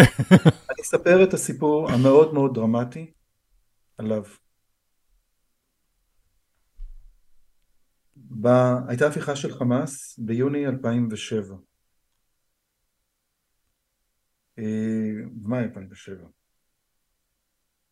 והייתה לו תחנת רדיו על חוריה, החופש, החירות, החירות. וכל הזמן היה לו קו אנטי חמאס. אני זוכר שעוד הייתי בעזה, היינו באים לאסמאעיל הנייה או לרנטיסי או למחמוד הזהר והיו אומרים לו, דיר באלק, אנחנו שומעים את השידורים שלך. אגב, הם היו באים להתראיין אצלו, אבל תמיד היו מזהירים אותו מהקו האנטי חמאסי של תחנת השידור שלו שהייתה הכי מאוזנת בעזה. והייתי אומר לו, מג'די, אולי הם יודעים מה שהם אומרים? הוא היה אומר לי, כוס הומו, אתה יודע מה, אני הייתי, אני ישבתי במעצר עם רטיסי, והם ילמדו אותי, וזה וזה. ביום של ההפיכה, אני מקבל טלפון, ישבנו אשתי ואני, איזה מסעדה על חוף הים, אני חושב, אני, כי אני זוכר איזה משהו ים, אני לא זוכר, אולי לא, אולי רק אני מדמיין, אבל אני זוכר שישבנו במסעדה, שישי בצהריים, חמישי בצהריים, סליחה שזה, ומג'די לוחש לי בשקט, שלומי תציל אותי. אני אומר לו, מה קרה? אומר לי, חמאס מתקרבים, אני בראש הרשימה שלהם, הם רוצים להרוג אותי ואת הבן שלי אמג'ד, הבן שלו הגדול, אני חייב לצאת לישראל. ואני אומר לו, אם ישמור, כאילו, מלחמה עכשיו בעזה, יש הפיכה שם, ישראל סגרה את המעברים, מה, איך, אני מוציא אותו מעזה?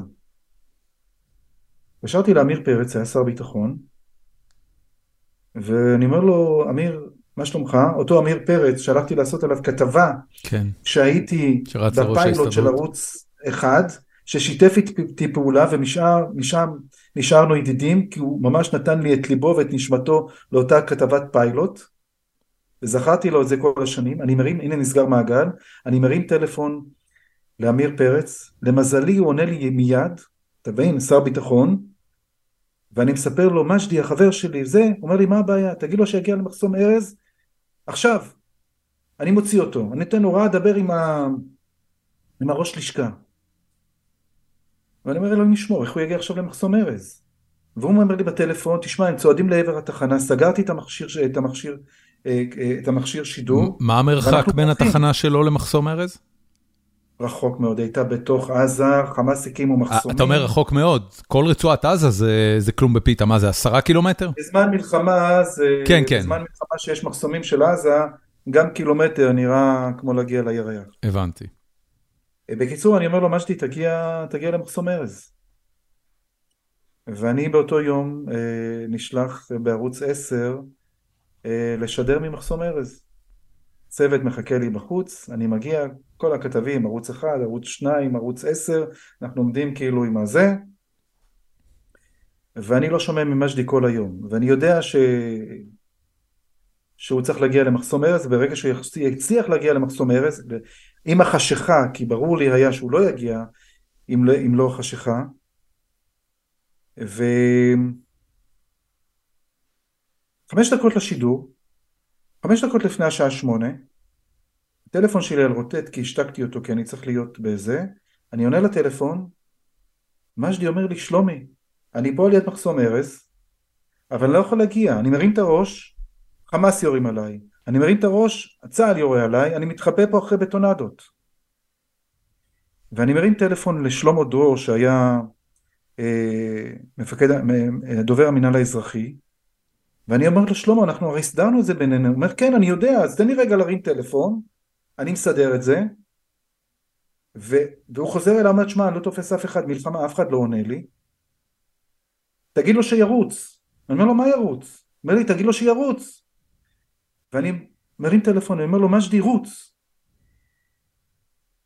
ואני מחזיק את הטלפון ופתאום עוברים אליי לשידור, כתבנו שלומי ילדה נמצא עכשיו במחסום ארז ואני שומע יריות. בטלפון או, בר... או ברקע? ברקע, גם בטלפון, אני שומע יריות. ואני מסיים את השידור כאן, אתה יודע, הפיכה מאחורינו, חמאס תפס את השלטון, בורחים, הבורחים וכל מה זה, והלב שלי פועם וזה.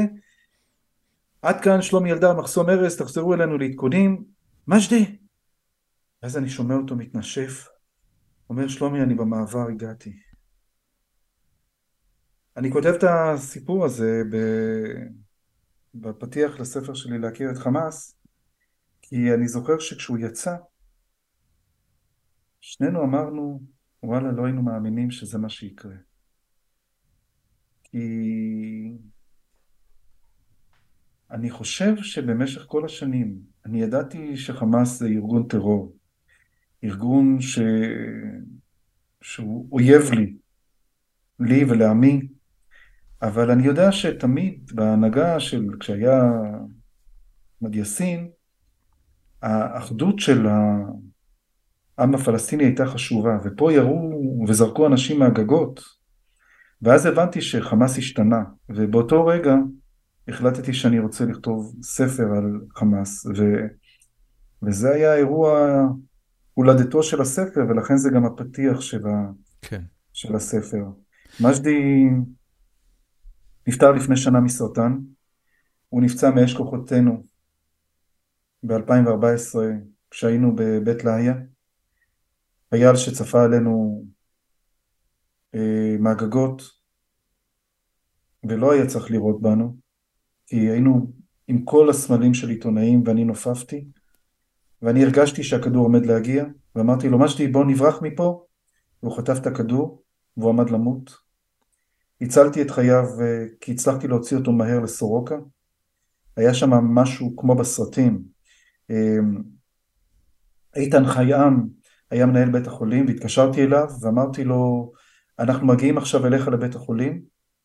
זה אחרי שחשבתי שהוא נפצע פציעה קלה ברגלו, אבל היה אחמד ג'דאללה שהיה צלם של רויטרס שגם הוא פעם נפצע אנושות והיינו בבית החולים והוא אמר לי שלומי אם לא תוציא אותו עכשיו הוא ימות ואני הזדעזעתי והגענו לבית החולים בסורוקה, אני ברכבי הפרטי, הוא באמבולנס ואיתן חייאם לא, חיכה לי בחוץ, לקח אותי לחדר הניתוחים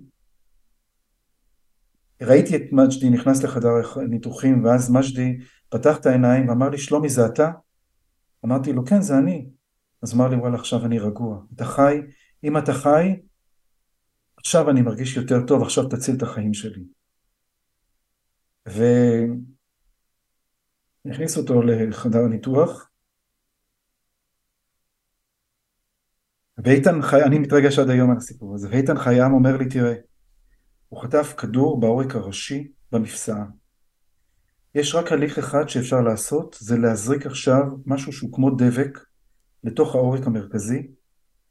אם זה יעצור את הדם, הוא ניצל. אם לא, אנחנו מוציאים אותך מהחדר. וזה ממש כמו איזה סצנה מתוך איזה סרט הוליוודי. אני רואה על המסכים מין איזה חומר שחור שנכנס, וכולם עוצרים את נשמתם, נשימתם, ואז רואים שהאדם נעצר. ואז איתן חייאם אומר לי ככה בעדינות, טוב, הוא יחלים מהר כי בעזה לא לוקחים הרבה אנטיביוטיקה, הוא יחלים מהר. אה, מג'די האמין כל השנים ש... שהוא חלה בסרטן, שזה מה שהביא אליו את הסרטן. ו... מה זאת אומרת, הפציעה הזאת, האקדח? הפציעה, החומר נפץ, החומרים שחדרו לגופו, הבנתי. הם גרמו לו לוקמיה. איך שלומי, איך אחרי תקרית כזו, אמ, אפשר, איך הוא בכלל חזר לעזה? הרי חמאס, אם מה שאתה אומר הוא נכון, הוא היה בראש הרשימה שלהם, איך הוא יכול לדרוך בעזה ולחזור להיות הצלם? זה היה לפני חמאס, זה היה ב-2014, זה היה לפני חמאס. אוקיי. האירוע, האירוע הזה התרחש ב-2014.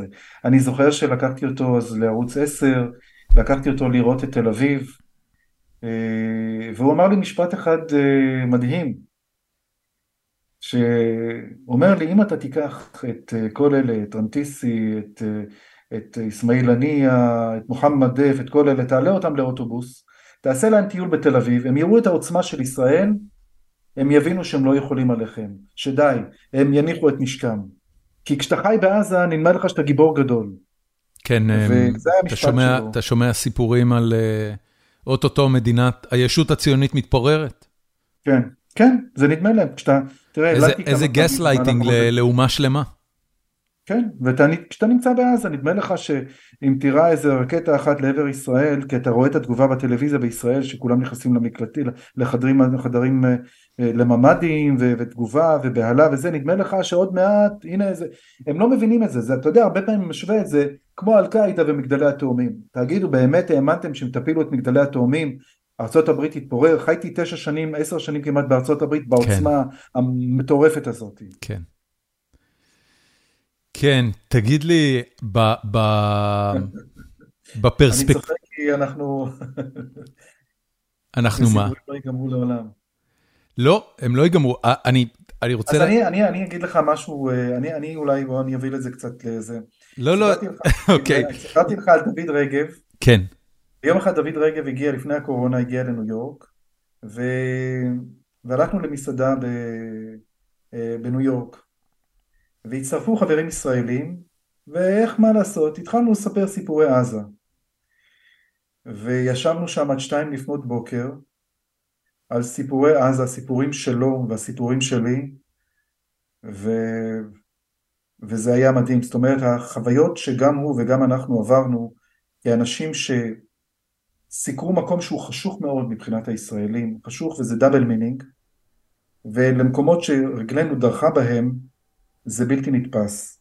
ואני כל הזמן אומר שהעובדה שהיום אה, לא ישראלים ולא פלסטינים יכולים לראות את הצד האחר, היא בעוכרינו. כי היום דור שגדל בעזה, הוא לא מכיר ישראלים. דור שגדל גם בגדה, הוא לא מכיר ישראלים. יש רק כאלה שיוצאים לעבוד בישראל מהגדה.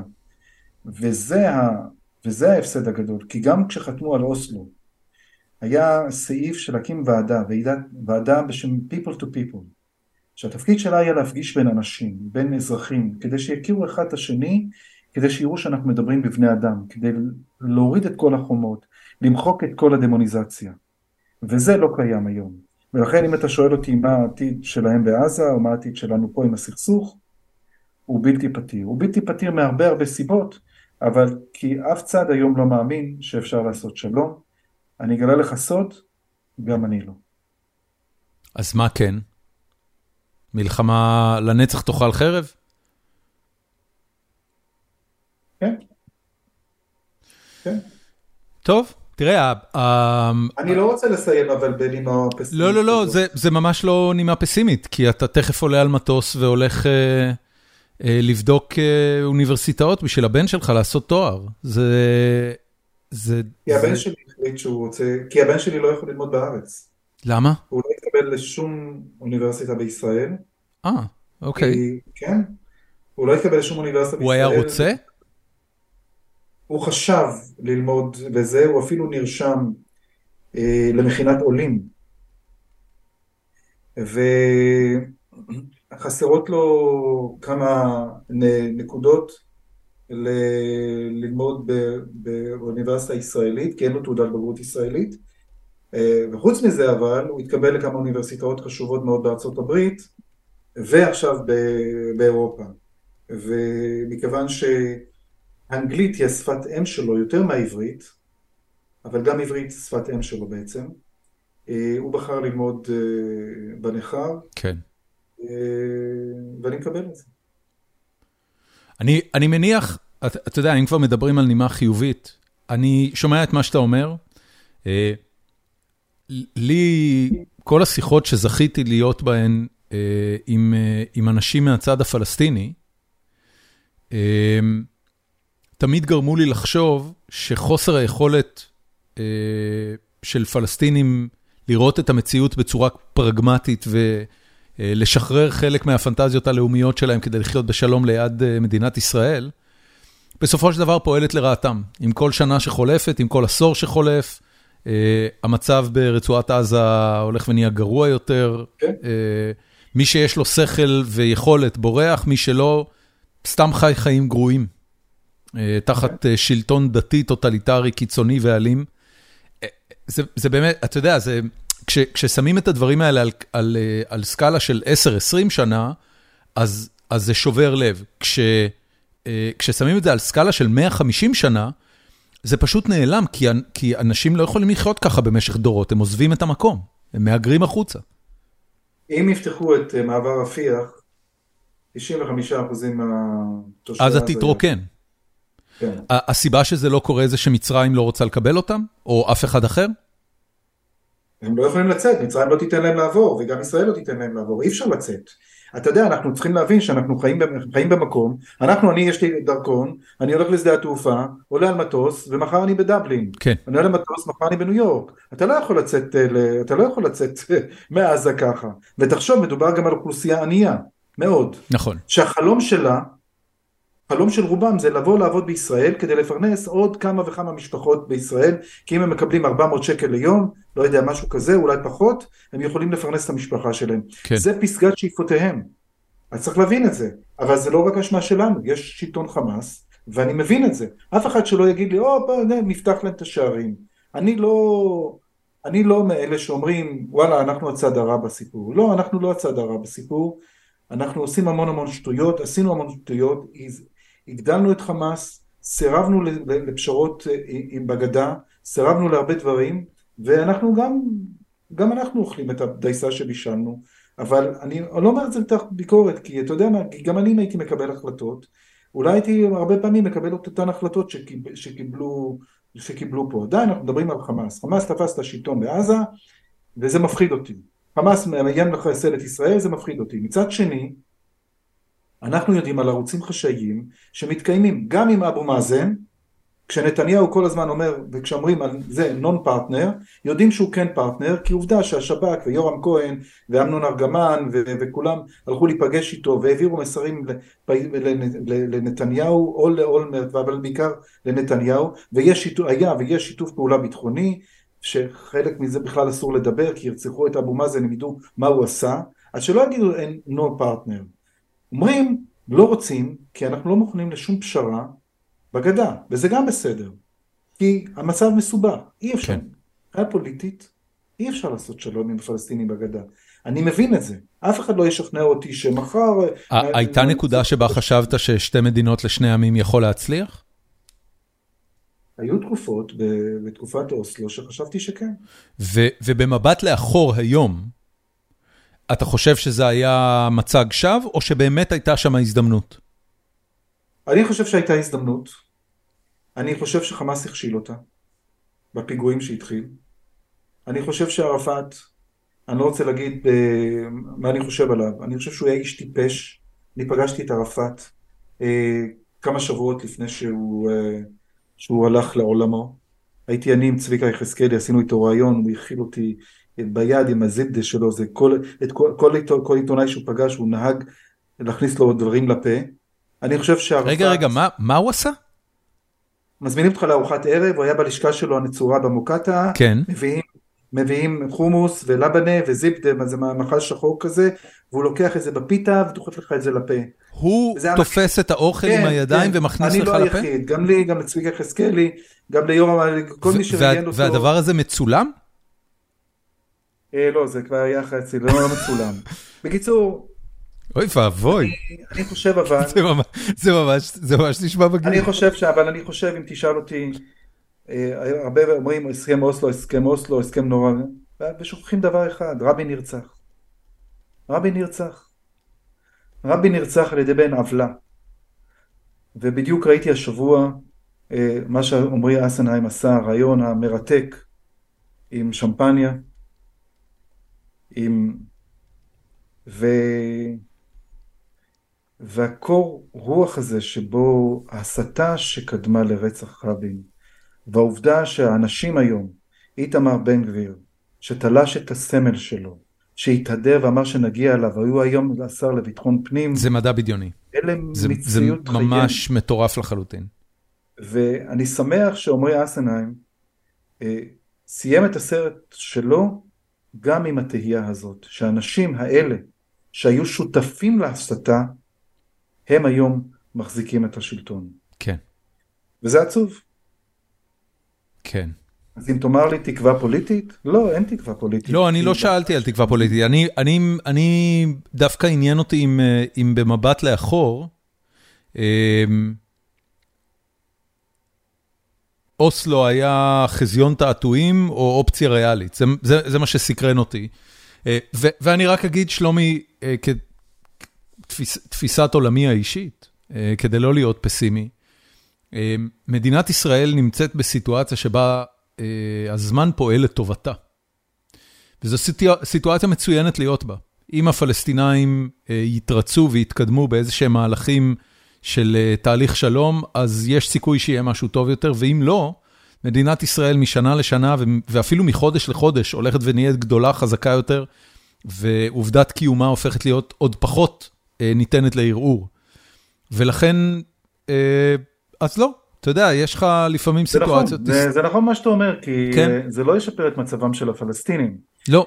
אה, ולא, אבל אנחנו נצטרך להתמודד עם אה, טרור כל השנים. ואני רק, אה, כי אני אומר לך, אני לא חושב שאפשר היום לעשות, אה, אה, א', הם מפוצלים, יש חמאס ויש גדה, ואני לא רואה פשרה טריטוריאלית היום בגדה בלי שום קשר לזה שבן גביר הוא השר לביטחון פנים וסמוטריץ' הוא גם שר ביטחון, גם תפקיד ביטחון, ויש קבינט ביטחוני שהוא ימני קיצוני, בלי שום קשר להנהגה הפוליטית היום בישראל. אי אפשר, כי אי אפשר, כי נקבעו עובדות בשטח שלא ניתן לשנות אותן. ומי שאומר לי שניתן להוציא מיליון או לא יודע מה, מתנחלים מהגדה ולהביא אותם לקווי 67, הוא לא מבין על מה מדבר. לא, זה ברור שלא.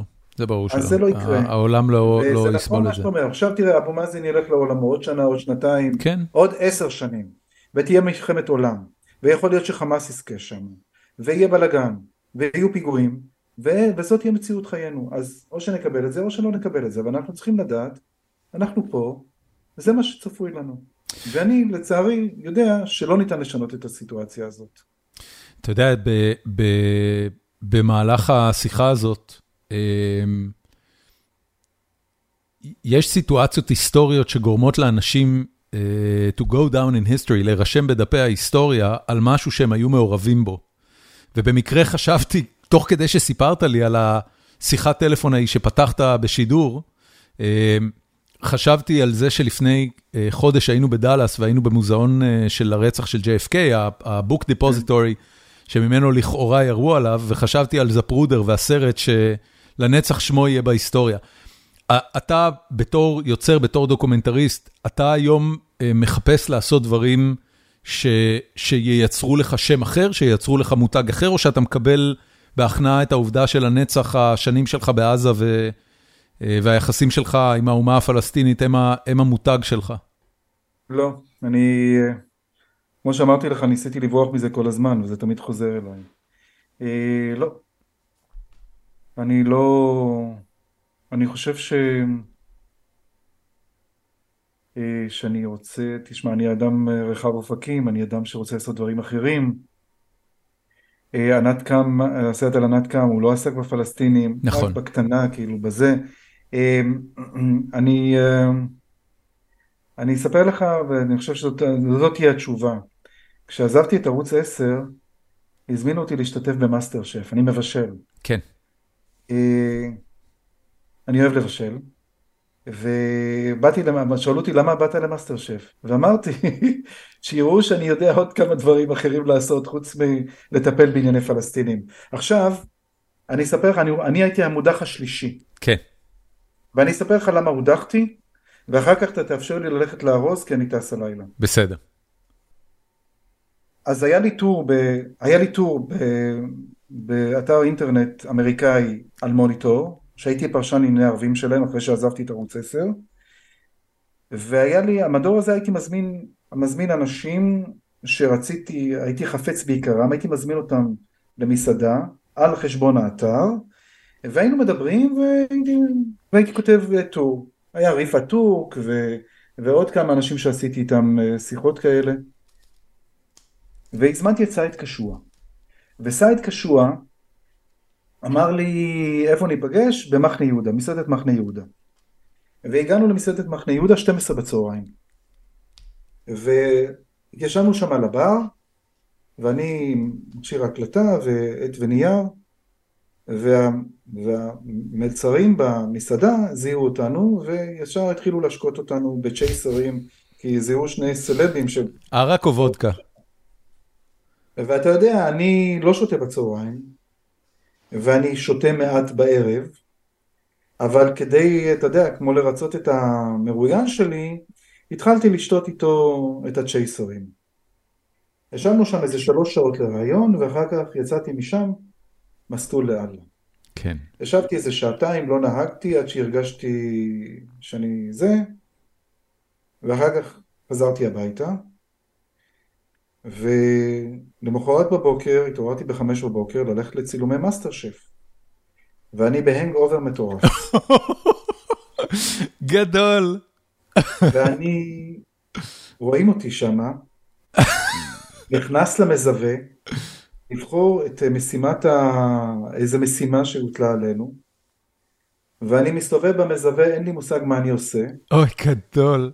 ואני בחרתי קישואים. עכשיו תבין, אני שונא קישואים. אבל קישואים זה אחלה, אפשר לעשות דברים מהממים. ונורמן למעלה צועק לי, נורמן איסה שהיה גם משתתף שם. כן, הוא השחקן הראשי של עבודה ערבית. אומר לי, מה אתה עושה? קישואים? אמרתי לו, אני עושה סירות קישואים. שמע, זאת הייתה קטסטרופה. אוי גדול. הודחתי ממאסטר שף. אוי גדול. זה סיפור מעולה. שלומי, תקשיב, אה, אני, אני ממש רוצה לשחרר אותך, אז, אה, אז רק עוד אה, עניין אחד קטן. יש לפודקאסט הזה פורום, מאזינים, ואני פרסמתי אתמול שאתה מתארח, והזמנתי את המאזינים לשאול אותך שאלות, ואני אני, אני, אני אצמצם את זה לשתי שאלות בלבד. השאלה הראשונה שעלתה, מה קרה לדעתך בחברה הישראלית שכל כך הרבה... זה הלנת קם, אני צריך להגיד. אה, מה קרה לדעתך בחברה הישראלית, שכל כך הרבה זעם ציבורי יופנה כלפיה, במקום שהוא יופנה לצבא המושחת, אה, הלוואי שכל כך הרבה זעם ציבורי היה מופנה כלפי הצבא בכל פעם שהוא פועל בצורה לא מוסרית, זה כבר הערה אישית של המאזינה. אבל, אה, אבל מה לדעתך קרה שם? כי אנשים, קודם כל הצבא, זה התחיל כפרשה סודית, שתחת אה, איסור פרסום, והיא נופחה מעבר לכל פרופורציה. במשך שבועות הציבור הישראלי לא ידע מה מתרחש עם הפרשה הזאת, ודווחנו על פרשת ריגול, פרשה ביטחונית חמורה. נכון. ולאט לאט הממסד הצבאי הצליח להטות את הפרשה מהחשיפה שצה"ל הפר את הוראות בג"ץ ויצא לחסל אה, אה, פלסטינים בניגוד לעמדת בג"ץ, אותם דיברנו על חיסולים, שאפשר היה לתפוס אותם במיטתם ולהביא אותם למשפט, הוא בחר לחסל אותם ואף אחד לא זכר מה היה, מה היה בכלל בפרשה הזאת, מה אורי בלאו פרסם. כל מה שהציבור הישראלי זכר, אגב גם התקשורת הישראלית, שלחה שבי אחרי זו הייתה הצלחה של דובר צה"ל? זו זו הייתה הצלחה של דובר צה"ל באותה תקופה, או שזה היה, כאילו, אתה יודע, מישהו הצליח פה לשנות את השיח. מישהו הצליח שם בגדול. ולכן אמרתי לך שאף אחד לא זכר בכלל על מה היא עומדה לדין. כן, עד היום זה לא נוכח. כן, עד הסרט, אף אחד לא ידע שזה, שכל מה שהדליף עליו, אמרתי, מעשה אסור, שלא היה צריך להיעשות, מעשה שטות, אפילו לדעתי גם לא מטעמים אידיאולוגיים. כן. תשמע, גם לפרסם את התמונה בקו 300 היה בניגוד כן. להנחיות הצנזורה, עיתון חדשות נסגר לשלושה ימים על זה. כן. ונתנה את זה לאורי בלאו. אורי בלאו, אה, לדעתי הוא גם היה קורבן. הוא היה קורבן של עיתון הארץ. הוא היה קורבן שקיבל המלצה של מיבי מוזר, שהיה עורך דין, לדעתי גם היום, היועץ המשפטי של, של, אה, של אה, עיתון הארץ, והוא היה בדיוק בטיול בסין, והוא הגיע ללונדון, ואמרו לו תישאר שם, אל תחזור. אל תחזור, כי אני חושב שאת אורי, אורי, אורי בלאו שאני הכרתי, הוא היה חוזר כמו גבר ושומר על, מקור, על המקור שלו. אבל אורי, אורי לא שמר על המקור שלו. כן. ו... ולדעתי, וגם הוא נשפט אחר כך, גם הוא נשפט על ריגול חמור, וגם הוא משלם עד היום מחיר כבד כן, מאוד. הוא לא, הוא לא חי בארץ. הוא לא חי בארץ. אה, טוב. הוא לא חי בארץ, ו... והוא יכל להיות באמת עיתונאי מוביל בישראל, והוא לא. שאלה אחרונה. אמ, גיורא סורקין כותב, קודם כל תודה שאתה מביא אותו, זה הוא כותב לי, הוא אחד הקולות המעניינים ומאירי העיניים שמסקרים את התחום, והיה מראשוני הכתבים לענייני ערבים שלא הציג את העולם הערבי דרך חור הכוונת כמו רוב הקולגות שלו. אה, באשר לשאלה, האם, אה, איך והאם מושאי הסיקור שלך השפיעו על דעותיך הפוליטיות? אני לא חושב שמושאי הסיקור שלי השפיעו על הדעות הפוליטיות שלי. אני אה, לא חושב שמישהו באמת יודע אה, מה הדעות הפוליטיות שלי, אני גם לא מסתיר בזה, אני לא איש ימין. אני יכול לספר שפעם ראשונה שהצבעתי, הצבעתי לליכוד, לבגין, ב-77, היינו חיילים. כן. מי לא הצביע לליכוד אז? כן. ו... אבל אה, אני במשך השנים התוודעתי ולהכיר ש... שלישראל ולצה"ל, או ביחד, אין מדיניות ברורה לגבי הסיפור הזה של השטחים. אה, במיוחד אה, במהלך האינתיפאדה השנייה ואולי גם במהלך האינתיפאדה הראשונה. אני לא חושב שהם השפיעו על דעותיי הפוליטיות, הדעות הפוליטיות שלי הם לא, הם לא פקטור בזה. אני ראיתי אה, בפלסטינים כאנשים אומללים. אני, יום אחד אני נכנס לעזה, ואני רואה מישהו ש... ממש אחרי מחסום ארז, כתבתי על זה בספר אה, אזק המוות, שהרסו לו את הבית. וכל יום מג'די היה לוקח אותי והיינו עוברים שמה, והייתי רואים אות, אותם מנסים עם בולדוזר לשחרר את הברזל מהבטון. עכשיו זה עבודת נמלים, זה עבודה מטורפת. ואתה רואה אותם עם, עם קונגו כזה, מנסים בר, כל היום, ככה הייתי בבוקר חוזר אחרי הצהריים. רק כדי שיוכלו למכור קצת ברזל ולפרנס את המשפחה. לא, לא, לא. ואז יום אחד באתי אליהם, אמרתי להם, מה אתם עושים? הם אומרים, אנחנו רוצים לבנות מחדש, אבל אין ברזלים בעזה. כי הפסיקו להכניס ברזלים לעזה, כי בגלל כן, החשש... כן, עושים מזה רקטות. סמים. וזה היה מטורף. אתה מבין את הדבר הזה שהם רוצים לבנות את הבית שהרסו להם, אגב בטעות. נכנס שם זה, והיו ירי והבית שלהם נפגע ונהרס. ואז צילמתי כתבה על השלושה המשפחה הזאת שעובדים מבוקר עד לילה לחלץ ברזלים שלא בטוח שאפשר להשתמש בהם. אחרי שידור הכתבה, התקשרה אליי ישראלית, ואמרה לי, אני רוצה להעביר להם סכום כסף שיקנו ברזלים. ואמרתי לה, תשמעי, אני לא יכול לקחת uh, ממך כסף. היא אמרתי, אני מבקש ממך, אין לי שום דרך להעביר. אמרתי לה, את יודעת מה אני אעשה? אני אקח את המעטפה ממך, ואני אתן לה אותה, אבל אני אעשה את זה מצולם, ואני אעשה כתבה על הישראלית הנדיבה הזאת ש... ש... ש... שהחליטה לתרום לכם. אתה יודע, אני בא להם, דופק להם בדלת, כי היה חלק של הבית שלא נהרס, והם פותחים לי את הדלת, אה, היה דבר נורא יפה, בדרך הצוות הפלסטיני מנסה לשכנע אותי לתת להם חלק, כי גם הם זקוקים לקצת כסף. וואה. ואמרתי לה, תיקחו אותי אליו הביתה, המעטפה הייתה סגורה, ידעתי שהיה סכום כסף לא מבוטל, אה, אני חושב עשרת אלפים שקל, אולי יותר. וואו. דפקתי בדלת, ופתחו לי את הדלת, ואמרתי להם, הנה יש צופה ישראלית. רגע, זה בשקלים? זה כסף, זה כסף ישראלי? מה יש להם כן. לעשות עם שקלים ברצועת עזה? אה, אתה לא יודע שהפלסטינים הם- עובדים בשקלים? אין להם מטבע, זה לא מדינה. הבנתי. חשבתי שדינר ירדני זה ה... אוקיי. לא, לא, שום עכשיו, שקל ישראלי. ר- רגע, גם גם? בגדה זה ככה? גם בגדה וגם ב- גם בעזה. אוקיי. משתמשים עדיין בשקל. והוא פתח לי את הדלת ואמרתי לו, צופ... צופה ישראלית החליטה להביא לך את הכסף. והוא הסתכל עליי בתדהמה ואמר לי, אלה שהרסו לנו, גם אלה שנתנו לנו לבנות מחדש. עכשיו למה אני אספר לך בהקשר של העניין הפוליטי? מה שאני אומר, אני יודע שיש הרבה אנשים רעים בסיפור הזה. יש חמאס, יש ג'יהאד איסלאמי, יש מחבלים, יש כאלה שבדם קר מסוגלים לרצוח ילדים, ויש גם אנשים טובים כאלה, כמו בצד הישראלי כן. וכמו בצד הפלסטיני.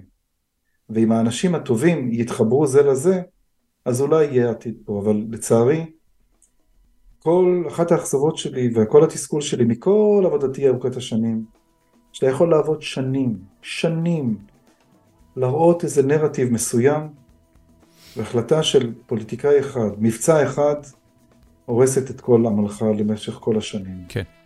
ועם זה אני מתמודד. תקשיב, אתה, אתה נוסע עכשיו לאירלנד. אה, אירלנד היא מדינה שאם היית הולך 30 שנה אחורה, היה להם את אותו עניין. היה להם סכסוך דתי, עקוב מדם, מחתרות, פיגועים, איך שאתה לא רוצה. אה, עם והנהגה שקיבלו החלטה לשנות כיוון וללכת לכיוון של שלום, והיום אירלנד היא כנראה הכלכלה המשגשגת, לפחות באחוזים, אה, במערב אירופה. אה, שלומי, איפה, איפה אפשר אה, לצרוך עוד ממך? אה, אני, אני ראיתי את, אה, את אה, ארץ זרה ב, ביוטיוב ובאתר של כאן. ראית את חיים יקרים? את חיים יקרים עוד לא ראיתי, איפה אני רואה אותו?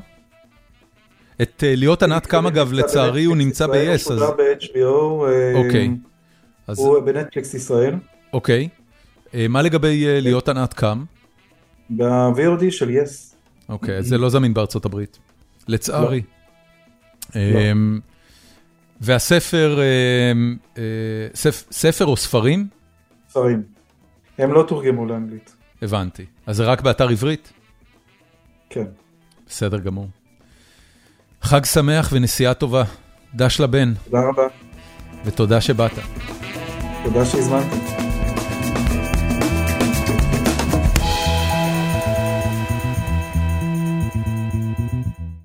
ועד כאן הפרק.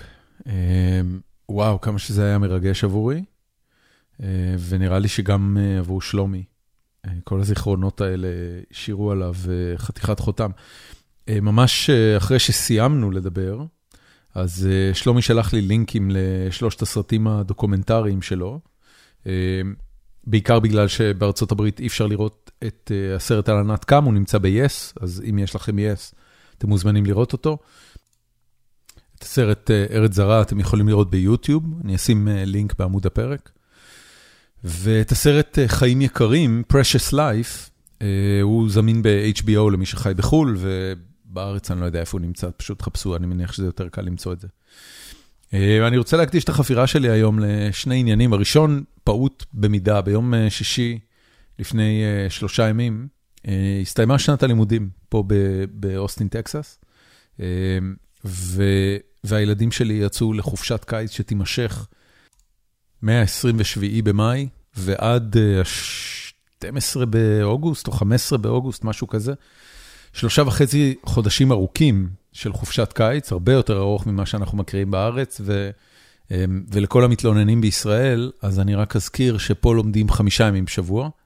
יש לזה את הפלוסים של זה, אבל אין לזה את שישי בבוקר.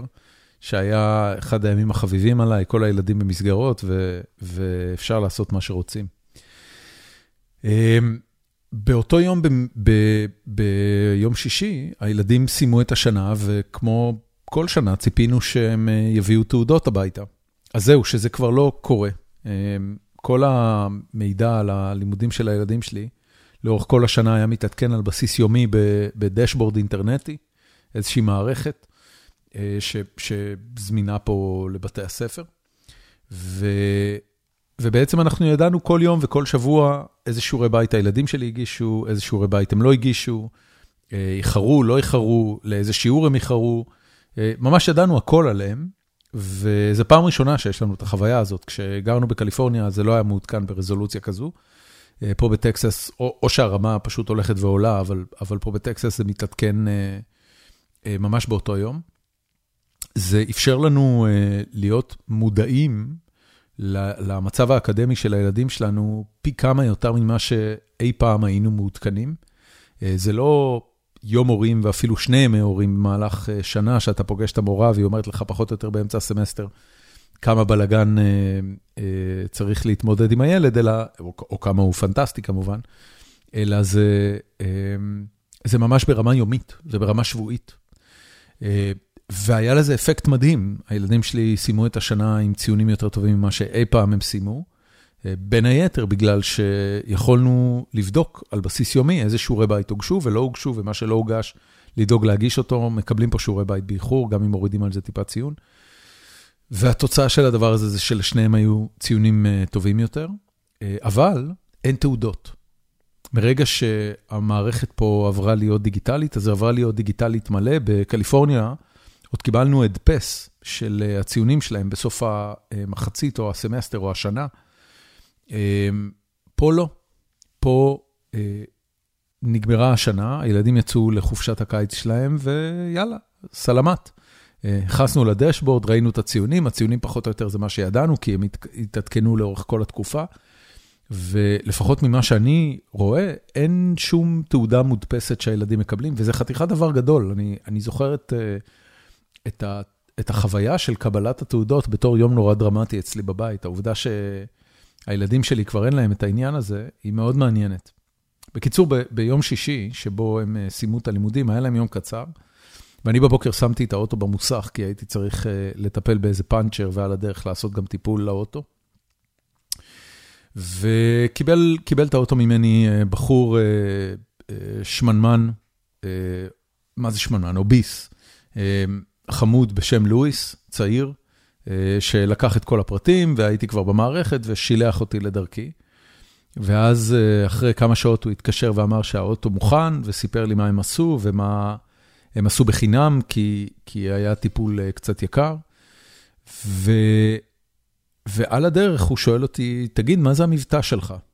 כי אני, למרות האנגלית סבבה שלי, עדיין אמריקאי שומע שיש לי מבטא. אז אמרתי לו, אני, אני עברתי לפה מקליפורניה, אבל במקור אני מישראל. ואז uh, הוא עשה כזה, אה, ישראל וזה. ו... ו... אני לא זוכר בדיוק מה הוא אמר, אבל הוא, הוא פחות או יותר אמר שהוא יהודי. או שהוא ביקר בישראל, או שהוא רוצה להיות בישראל. ואז אמרתי לו, לואיס, אתה יהודי? ו... ולואיס התחיל לספר לי, וזה היה נורא מצחיק, כי איך שהוא התחיל לספר, אז הבחור השני שעובד איתו שם במוסך, בחור מבוגר יותר, יושב במשרד עם כל הטופסולוגיה, אני שומע אותו אומר במבטא טקסני כבד, Oh boy, here we go again. ואז לואיס סיפר לי שהוא בן להורים, שהאבא הוא דרומי בפטיסט, אבל האימא, כך מסתבר, היא גילתה את זה בגיל מבוגר יותר, האימא היא, היא ילדה מאומצת שההורים הביולוגיים שלה היו יהודים מקווינס. והוא התגלגל איכשהו להיות ילד יהודי בטקסס. אז, אז שאלתי אותו, איך, איך זה בדיוק קרה? אז הוא מספר שההורים הביולוגיים של, של אימא שלו היו זוג יהודי, הוא לא אמר חרדים, אבל אני מנחש שהם חרדים, והיא הייתה הריון לא מתוכנן, היא הייתה הריון מחוץ לנישואים, ולכן ההורים הביולוגיים שלה מסרו אותה לאימוץ ברגע שהיא נולדה. מי שאימץ אותה הייתה משפחה נוצרייה, שאני לא יודע אם היא במקור הייתה טקסנית או התגלגלה לטקסס, אבל בסוף הגיעה לטקסס. היא, אימא שלו נולדה בשנת 1954, והוא אומר לי, אז לשני חבר'ה יהודים אורתודוקסים, לא יכול להיוולד ילד מחוץ לנישואים, אז היא מסרה אותה לאימוץ. ורק כשהיא הייתה בת 28, והוא היה בן 12, תעשו את החשבון מתי היא נכנסה להיריון, הם הלכו לברר מי הם ההורים הביולוגיים שלה, ו... והלכו לבקר אותם, נסו לבקר אותם בניו יורק. וככה הוא גילה ופגש בפעם הראשונה, אה, גילה את הזהות היהודית שלו, כי הרי אה, הזהות נקבעת אה, לפי האם, ולכן הוא יהודי כשר, או לפחות סוג של יהודי כשר, כי קוראים לו לואיס, ואבא שלו הוא בפטיסט, והוא גדל בנצרות כל החיים שלו. אבל הם נסעו לקווינס והם פגשו את המשפחה, ו... והמשפחה הסתלבטה עליו שיש להם, they have a redneck brother, ככה הוא אומר לי. ו... ואני עומד שם מולו במוסך, וכלום, אני מחכה כאילו למפתחות שלי. ומתפוצץ לי המוח תוך כדי שאני מקשיב לו, אני בשוק טוטאלי מהסיפור הזה. ואני מתחיל לנסות לברר יותר פרטים, כאילו, מה, מה היה הסיפור של אבא שלו, ואיך יותר נחמד לגדול עם המשפחה היהודית או עם המשפחה הבפטיסטית. הוא אגב אה, אה, דוגל בצורה נחרצת בזה שיהודים הם אנשים יותר טובים מבפטיסטים, והמשפחה הנוצרית מהצד של האבא שלו מתייחסת אליו חרא. אה, בין היתר בגלל שהוא יהודי, אבל כנראה שיש להם עוד סיבות. והמשפחה מהצד השני יותר נחמדים אליו, מקסימום זורקים איזה הקנטה. אה, וזהו, ושילמתי את החשבון והודיתי לו על הסיפור, ונסעתי לאסוף את הילדים שלי מבית ספר, שנגמרה להם הרי השנה והולכת להתחיל חופשת הקיץ, וחשבתי לי ממש יומיים אפילו יותר מזה, אפילו היום אני, אני אה, מצאתי את עצמי חושב על הלואיס הזה לא מעט, ועל החיים שהובילו את, ה, את הסבא והסבתא הביולוגיים שלו אה, למסור את בתם הקטנה לאימוץ, ועל הבחירות שהבת הקטנה עשתה כדי לגדל אותו כמו שהיא גידלה אותו. אה, סיפור, שוגע, והעולם מלא כאלה. האמת שבאופן כללי בטקסס מלא בסיפורים כאלה. ויש עניין, בגלל שארצות הברית היא מדינה כל כך גדולה ואפשר לזוז בה ממקום למקום, ויש בה הכל, יש בה את ניו יורק ויש בה את אה, טקסס, יש בה אה, צפוניים אה, ואנשים משכילים מקליפורניה וסיליקון ואלי והרווארד וניו יורק, ויש בה אנשים סופר סופר פשוטים, חקלאים ומה שאתם רק רוצים, במרחקים עצומים, והסיפורים האלה קשורים וצצים כל הזמן. וזהו, זה מה שרציתי לספר לכם בסוף הפרק הזה. אה, מקווה שנהנתם מהפרק, מקווה שהתרגשתם כמוני משלומי אלדר. תודה רבה שהאזנתם, נתראה בפרק הבא.